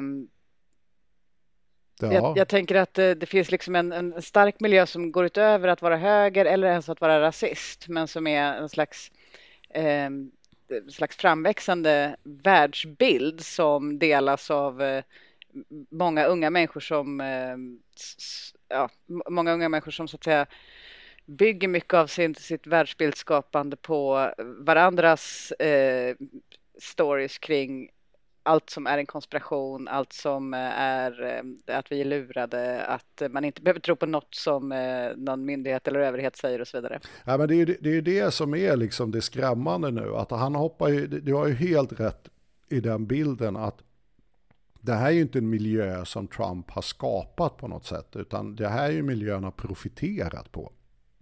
Och den här miljön finns som sagt var över hela världen idag. Och det, det, handlar ju väldigt mycket om de här fenomenen på sociala medier och hur människor idag skaffar sig en verklighetsuppfattning som i USA är rätt extrem även då när det gäller andra medier, inte bara sociala medier. Eh, och det här gör ju det att tyvärr får man väl bedöma att just hans dolkstötslegend och så vidare kommer nog fungera väldigt bra som en ny konspirationsteori. Därför det är ju precis det det är. Va? Det är ju en konspirationsteori. Men jag, jag, tror problemet för Republikanerna, det, det, kommer ju vara att även om man lyckas egentligen göra sig än mer extrem åt det här hållet så riskerar ju att din, din övriga väljarbas eroderar bort. Och det är väl det vi precis ser. Alltså det här snacket om att nu har 70 miljoner röstat på Trump och vet, älskar Trump som många medier verkar köra och att den här klyftan är så stor. Den är ju, tycker jag, en sanning med väldigt, väldigt stor eh, modifikation. Va? Att, eh, nej, de har, det är 70 miljoner som har röstat på en eh, republikansk presidentkandidat. Det, det är liksom en helt, eller i det här fallet då president det är en helt annan sak. Det här liksom stabila röstandet i republikaner och demokrater har ju liksom pågått i årtionden och förändrats över tid. Där vissa grupper, vissa miljöer, vissa så att säga communities röstar på demokrater respektive republikaner. Men jag tror ändå att lärdomen här är ju det att det räckte inte. Alltså, jag, jag, tror inte någon kan köra främlingsfientliga kortet bättre än vad Trump har gjort ärligt talat. Alltså, det här young boys-fenomenet eh, som dök upp då i debatten mellan Biden och Trump var väl rätt talande när han skulle ta avstånd ifrån Young Boys som är en sån här white supremacy group i USA så lyckades han ju göra exakt motsatt. Eh, liksom eh, stand back, stand ready, eller vad han nu sa. Va? Eh, vilket de snabbt tryckte upp t-shirtar med budskapet och nu kände att de var en del av liksom, Trumps privata milis. Va? Det, han, de här grupperna tror jag har varit väldigt, väldigt nöjda med Trump. Så att såväl... Mm. Ja, det var inget direkt avståndstagande, det var det ju Nej, inte. det kan man inte säga. Nej. Och det tolkades mm. efterhand definitivt inte som det. Då brukar man inte tycka... Och de ändrade till och med sin logga på deras hemsida och sånt där. Och, eh, och, och, och det här är ju liksom... Så att jag tror ju att någon, någonstans så kommer ändå lärdomen utifrån det här valet bli att nej, det här spåret räcker inte. Vi, vi behöver more demographics in i den här soppan. Liksom. Jag vill dock nyansera lite det du sa om kvinnor som målgrupp. Därför att om jag minns rätt eh, i väljarundersökningarna i, i det valet där Trump vann så var det ju inte så stor skillnad mellan kvinnor och män men däremot mellan vita och icke-vita. Alltså att eh, vita kvinnor i ganska hög utsträckning röstade på Trump också. Det, Men jag kanske minns nej, fel. Du har helt rätt i det. Alltså, om inte jag nu missminner, nu tar jag det här lite i bakhuvudet, men som jag minns, därför jag gick faktiskt igenom de här demographicserna rätt noggrant, därför att jag var så chockad över att han vann. Va? Alltså, mm. Jag fattade inte. Och, och, som jag minns det så var det till och med bland vita kvinnor så vann Trump. Ja, jag uh, så att det. Det, han gick. Men det är ju återigen det här, liksom faktiskt att det är ju republikanska eh, kvinnor mm. som röstar på en republikansk president. Jag har, det har inte gjorts några djupstudier kring det där, va? men jag skulle tycka att det var jättespännande att se hur många som röstade på Trump trots att han var Trump och de var kvinnor. Att de helt enkelt röstade mm. republikanskt. Mm. Mm. Jag, jag, tror att i och att han, många spekulerade ju att han skulle förlora valet på att många tidigare republikanska mm. väljare skulle liksom helt enkelt inte orka med att rösta på honom och därmed skulle han förlora. Och, och när, när, jag tittade på det där då, då hade han ju alltså samma då återvalsfrekvens som utav republikaner som republikaner har traditionellt. Då. Så att, det här är ju anledningen till att jag bettade på att Trump skulle vinna det här valet. Därför att eh, förra valet så lyckades han behålla Republikanerna mm. trots att han framstod som tokig och många i det republikanska partiet kampanjade emot honom. Mm. Men eh, då tänkte jag att nu har han ju de säkrade, men plus att han också framstår som lite mindre helt omöjlig som president eftersom han ändå har suttit som president och att därför skulle han sitta stabilt. Eh, jag skulle gissa att återvalsfrekvensen är hög nu också, men att det är det här eh, kraftigt höjda valdeltagandet som har skälpt honom. Det tror jag med. Jag tror att det är ett kraftigt höjt valdeltagande och det skulle faktiskt inte förvåna mig om man faktiskt i relativa termer nu presterar lite sämre till och med bland vita kvinnor.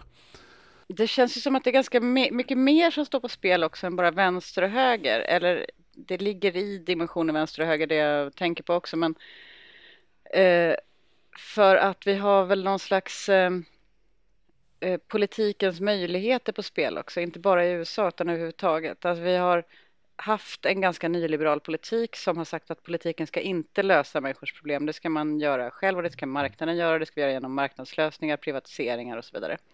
Eh, och sen så har folk eh, inte riktigt gillat det eh, och i allt större utsträckning ogillat det eh, både i Sverige och ehm, USA och så vidare. Och då vill man rösta emot det, men, men det finns en, en eh, pessimism angående politikens möjligheter. Att man tänker att ja, ja, nu är det så här och, eh, och så röstar man kanske främlingsfientligt istället eller man röstar liksom Mm. Man röstar utifrån någon annan dimension där man tror att det är möjligt att påverka politiskt.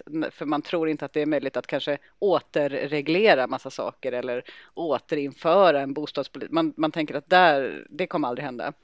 Eller det kan jag inte påverka bara genom att gå och rösta. Man tror helt enkelt inte på politiken. Eh, om man nu tänker sig att nu har ändå Biden lyckats uppbåda tillräckligt med engagemang för att vinna på att förändra mm. saker. Eh, och världen tittar alltid på USA Eh, och man kan också se liksom samma tendenser i Sverige. Men eh, är det, då, är det, det, är det liksom tilltron till politiken som står på spel i grund och botten?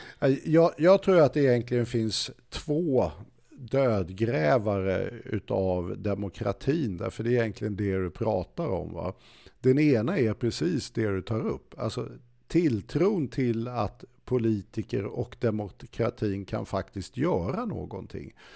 Alltså om, om människor genuint får uppfattningen att politiska val är meningslösa, då, då kommer man inte rösta och då spelar det ingen roll vad du kallar det för. Det är inte mycket till demokrati om en väldigt liten del av befolkningen går och röstar. Och den statsvetenskapliga striden eh, fanns ju på 70-talet. Hur ska vi mm. tolka till exempel då att så många amerikaner inte väljer att rösta? Då var det ju någon mer högerorienterad statsvetare som lanserade tesen att eh, förnöjsamheten tiger still. Va? Att nej, men människor är ju så nöjda och glada så varför gå och bry sig? Mm. Sådär, va? Uh, och det där ledde ju till en statsvetenskaplig strid som vanns hands down av de som hävdade att nej, det är människor som är alienerade inför politiken. De tycker inte att den är relevant för dem längre. Mm. Och det var de sämst lottade, inte de bäst lottade som inte röstade. Och det, och det där avgjordes då att nej, det, det, är liksom, det är någon form av alienering som gör att människor inte röstar. Inte att man är rätt smånöjd och puttrar runt i tillvaron. Eh, och det där är ju naturligtvis någonting väldigt farligt. Här har ju nyliberalismens paradigm varit extremt effektiva i att så att säga övertyga människor om att politiken har inte med saken att göra. Att det, det är mm. liksom, om du inte har en lämplig bostad, då är det dig det är fel på. Det är inte byggtakten eller det är inte liksom statens reglering eller styrning utav det, utan det är, du borde ha sett till att du ja, tjänade tillräckligt mycket pengar eller föddes med rika föräldrar eller vad man nu ska lösa problemet med. Va? Mm. Uh, och, och, det här... och så internaliserar man det synsättet så att folk faktiskt tänker ja det, ja, men det, är, det är jag som är kass. Ja, det är likadant med liksom, arbetslöshet. Va? Jag menar, på 70-talet var ju det förstått som ett samhällsproblem. Va? Idag är det ett problem därför människor inte gör sig själva tillräckligt anställningsbara. Mm. Alltså det, mm. Du har ju privatiserat, inte bara stora delar av offentlig sektor. Du har privatiserat, vilket jag tror nästan ur ett politiskt perspektiv är allvarligare. Du har privatiserat stora genuina samhällsproblem som faktiskt bara går att lösa på samhällsnivå. Alltså du, du mm. ger människor en, en falsk känsla utav makt. Alltså det, det... Mm. Och när man då upplever att man gör sitt bästa man håller på och försöker och försöker och det finns det, det är liksom man har faktiskt inte ansträngt sig för lite eller varit lat eller varit dålig i skolan utan man har kämpat men ändå misslyckats. eh, och man ser inte att det finns politiska lösningar, då, då är det inte heller konstigt att man hittar på andra problem som till exempel kvotering, feminism, eh, att det är invandringen eller så. Nej, alla kommer ju bli salig på sin bok så att säga. Va? Alla, det finns mm. ju många sådana idéer. Patriarkatet. Ja, exakt. Va?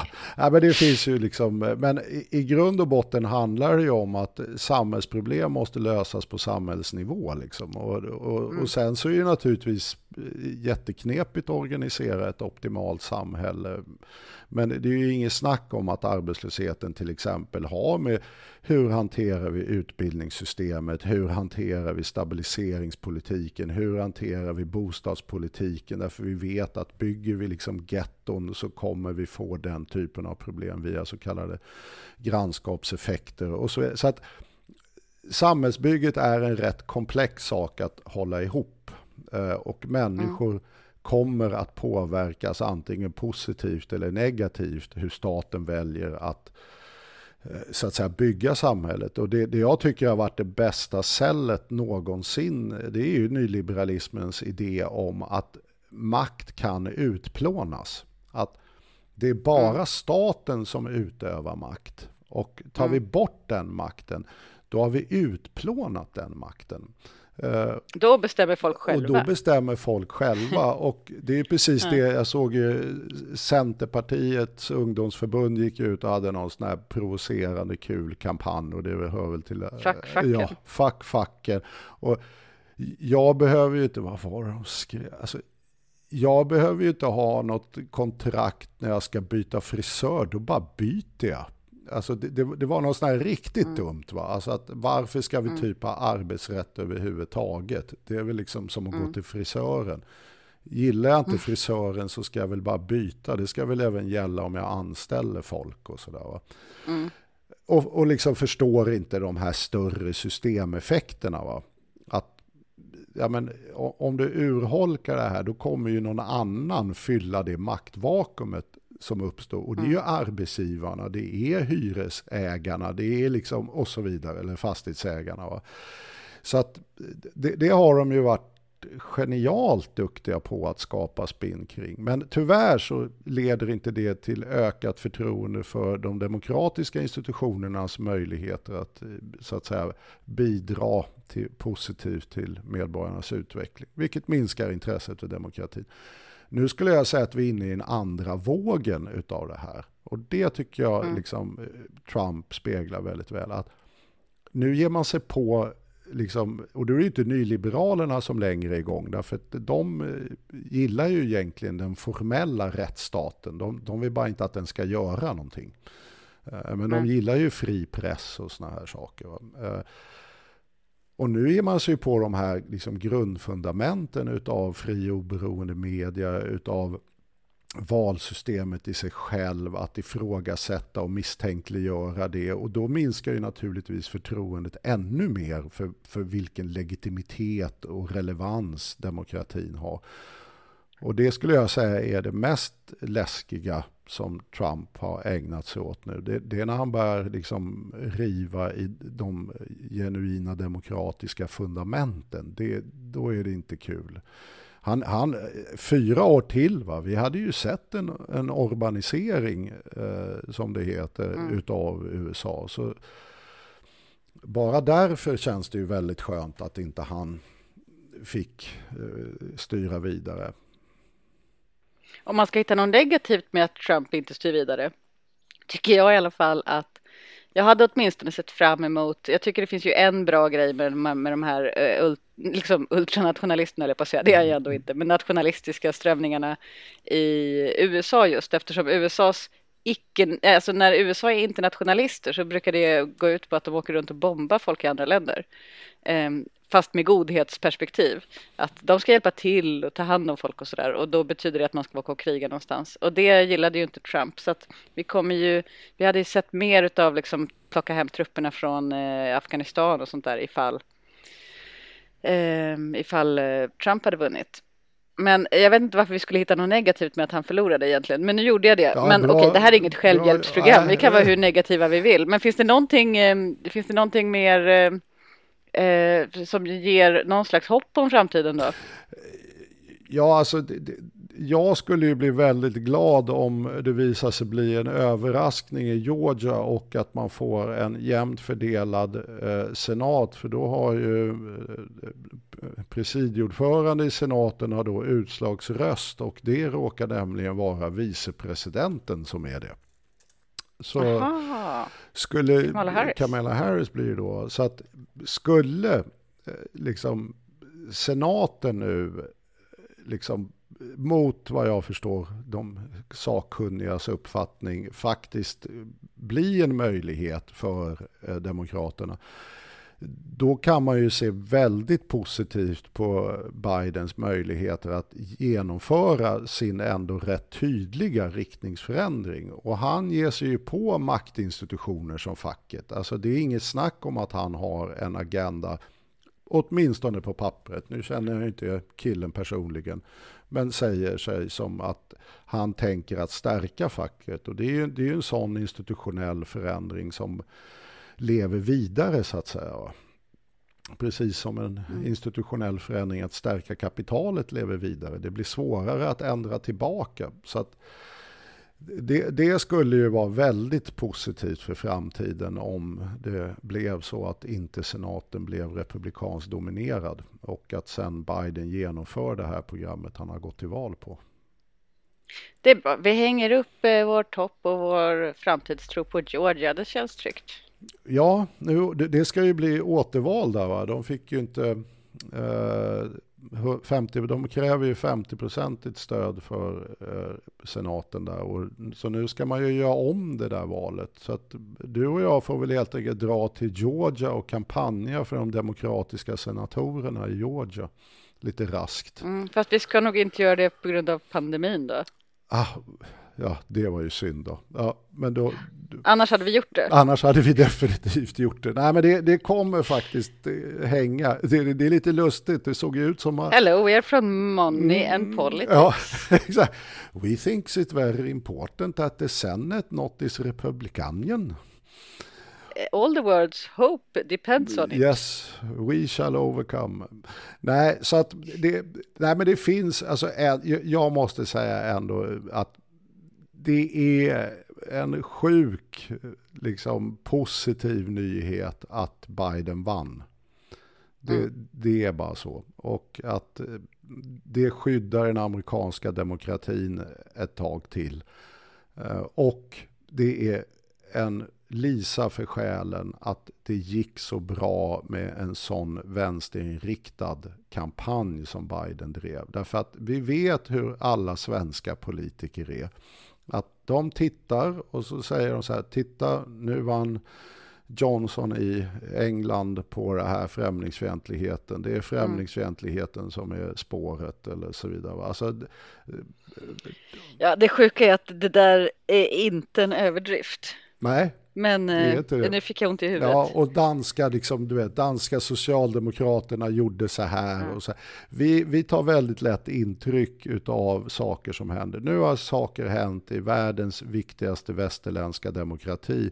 Och det är att en amerikansk president gick på ett väldigt, väldigt tydligt vänsterinriktat eh, program. Och det det kanske också någonting som, och får han en, en senat nu som han kan jobba med, då kanske mm. vi kan få igång lite feeling kring det här, att det här är nog spåret, den här koalitionen emot eh, de eh, högernationalistiska krafterna ska se ut.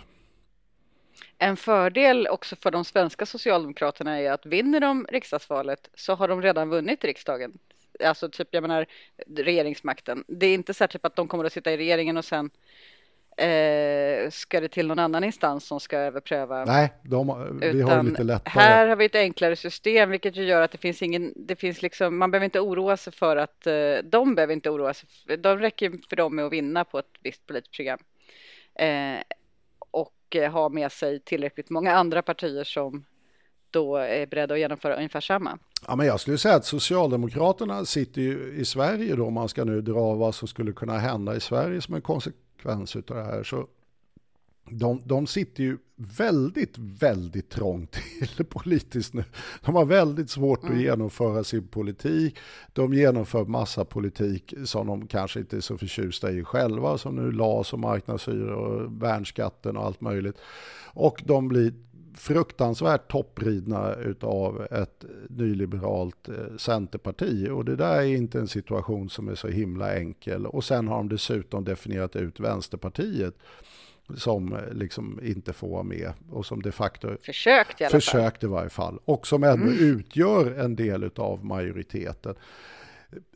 Det här, om man tänker sig nu en amerikansk kontext och drar några erfarenhet Demokraterna, så det som behövs är ju egentligen för att den här koalitionen skulle bli riktigt effektivt, det är ju egentligen bara att Centern slipar bort sitt värsta nyliberala gods och dessutom inser att de nu tillhör ett annat block. Därför det där tycker jag är bara nonsens. Alltså att vi är på väg att få ett Trump-block. Ett republikan, mm. alltså vi har ett block nu som består av exakt samma krafter som republikanerna slash Trump står för. Därför mm. republikanerna är fortfarande väldigt, väldigt mycket KD och M.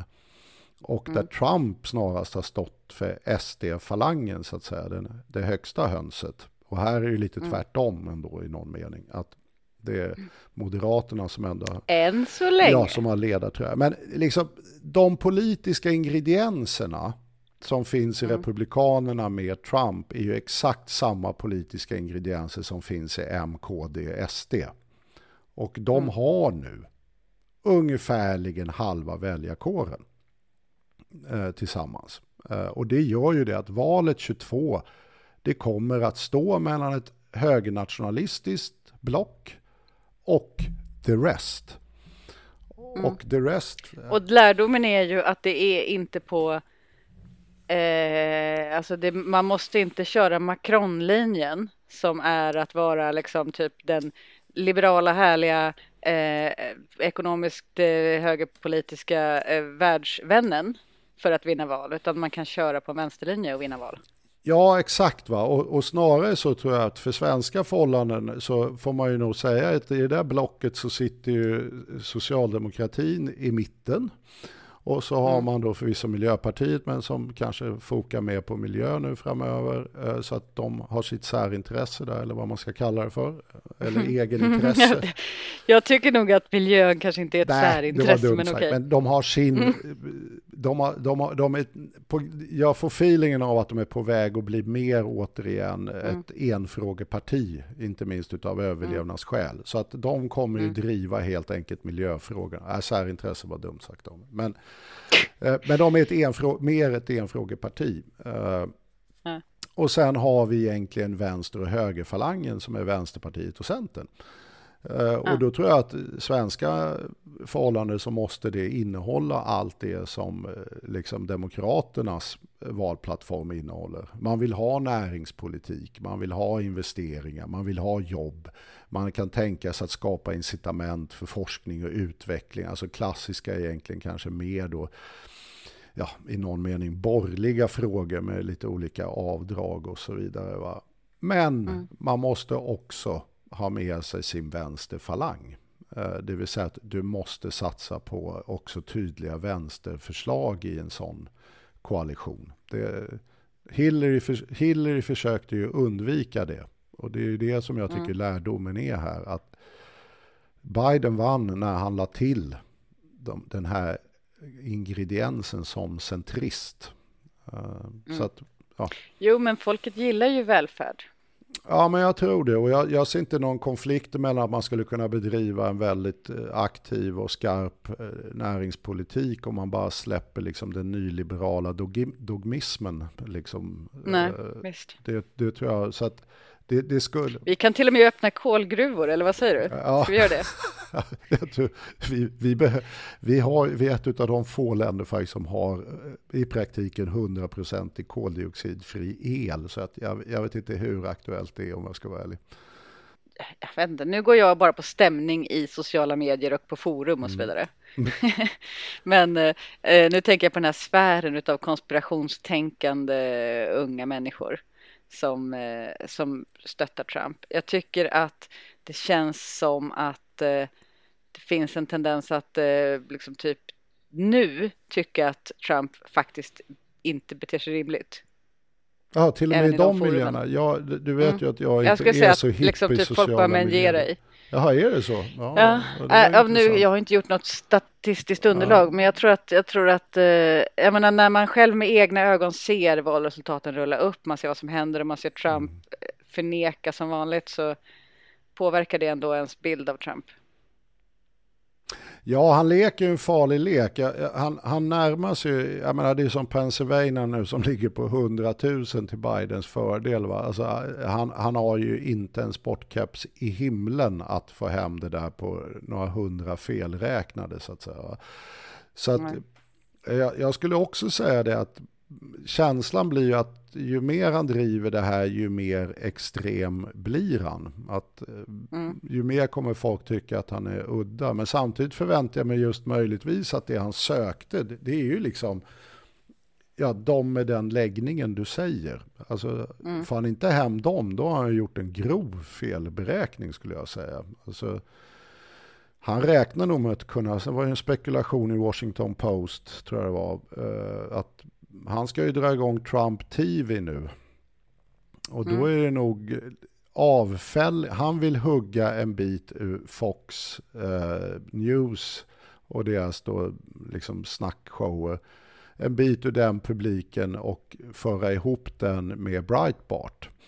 Deras, mm. liksom, vad heter den här svenska motsvarigheten? A-pixlat som hette den en gång i tiden, men nu heter det ju någonting mm. annat. Uh, det tror jag är hans affärsidé. Det är så jag tror han tänkte mm. tjäna pengar sen. Så om, det är ingen dum affärsidé. Nej, och har, han, har, du rätt i det att även de där miljöerna börjar tröttna på honom, då, då är det inte mycket till tittarbas och lyssnarbas han har. Nej, men idéerna som finns där i den eh, miljön som vi pratar om, ja. alltså i ett sånt medieprojekt, de kommer ha en tittarbas ändå. Ja, jo, det kanske är det. Men jag tror att Oavsett Trump. jag skulle nästan vilja sätta, jag sätter en hundring på att vi har Trump TV om, eller var, inte Trump TV, men alltså Trump mediaplattform inom 12 månader. Ingen sätter emot. Jag tänkte att du kanske ska... Ingen i det här Nej. sammanhanget Nej, i alla fall. Nej, tyvärr. Nej, det... Men eh, någon lyssnare kanske vill Ta upp en, ja, betta en hundring ja, mot dig. Alla får inte betta en hundring nu, för det kan bli dyrt. Va? Jag, alltså, nej, du kan inte betala till alla. Är det först, den, den, första, den första som, som tar bettet, den tar ja, du. Jag tar den första som tar bettet. tar ett år? Ja, tolv månader. Mm, om, om ett år så hörs vi igen då. Och det kan vi göra därför att vi kommer, du och jag kommer spela in nya pengar politik varannan vecka. Ja. Eh, vi kommer spela in nya avsnitt och den kommer då eh, ja, men det, det, är vår podd helt enkelt. Ja, jag, jag, tror att det här kommer att bli väldigt trevligt. Vi kör på och så mm. ja, har vi om 12 månader så stämmer vi av om vi har någon Trump-plattform eh, eller inte. Mm, jag skriver in det i kalendern. Okej, okay, han är ju rätt gammal så jag vill lägga in ett, en, det finstilta. Om han har dött om han dör, räknas det inte. Då räknas, då, då får du betala 100 kronor. Ja, Okej, okay, jag betalar 100 kronor om han dör. Ja. han verkar ju för sig rätt seglivad. Ja.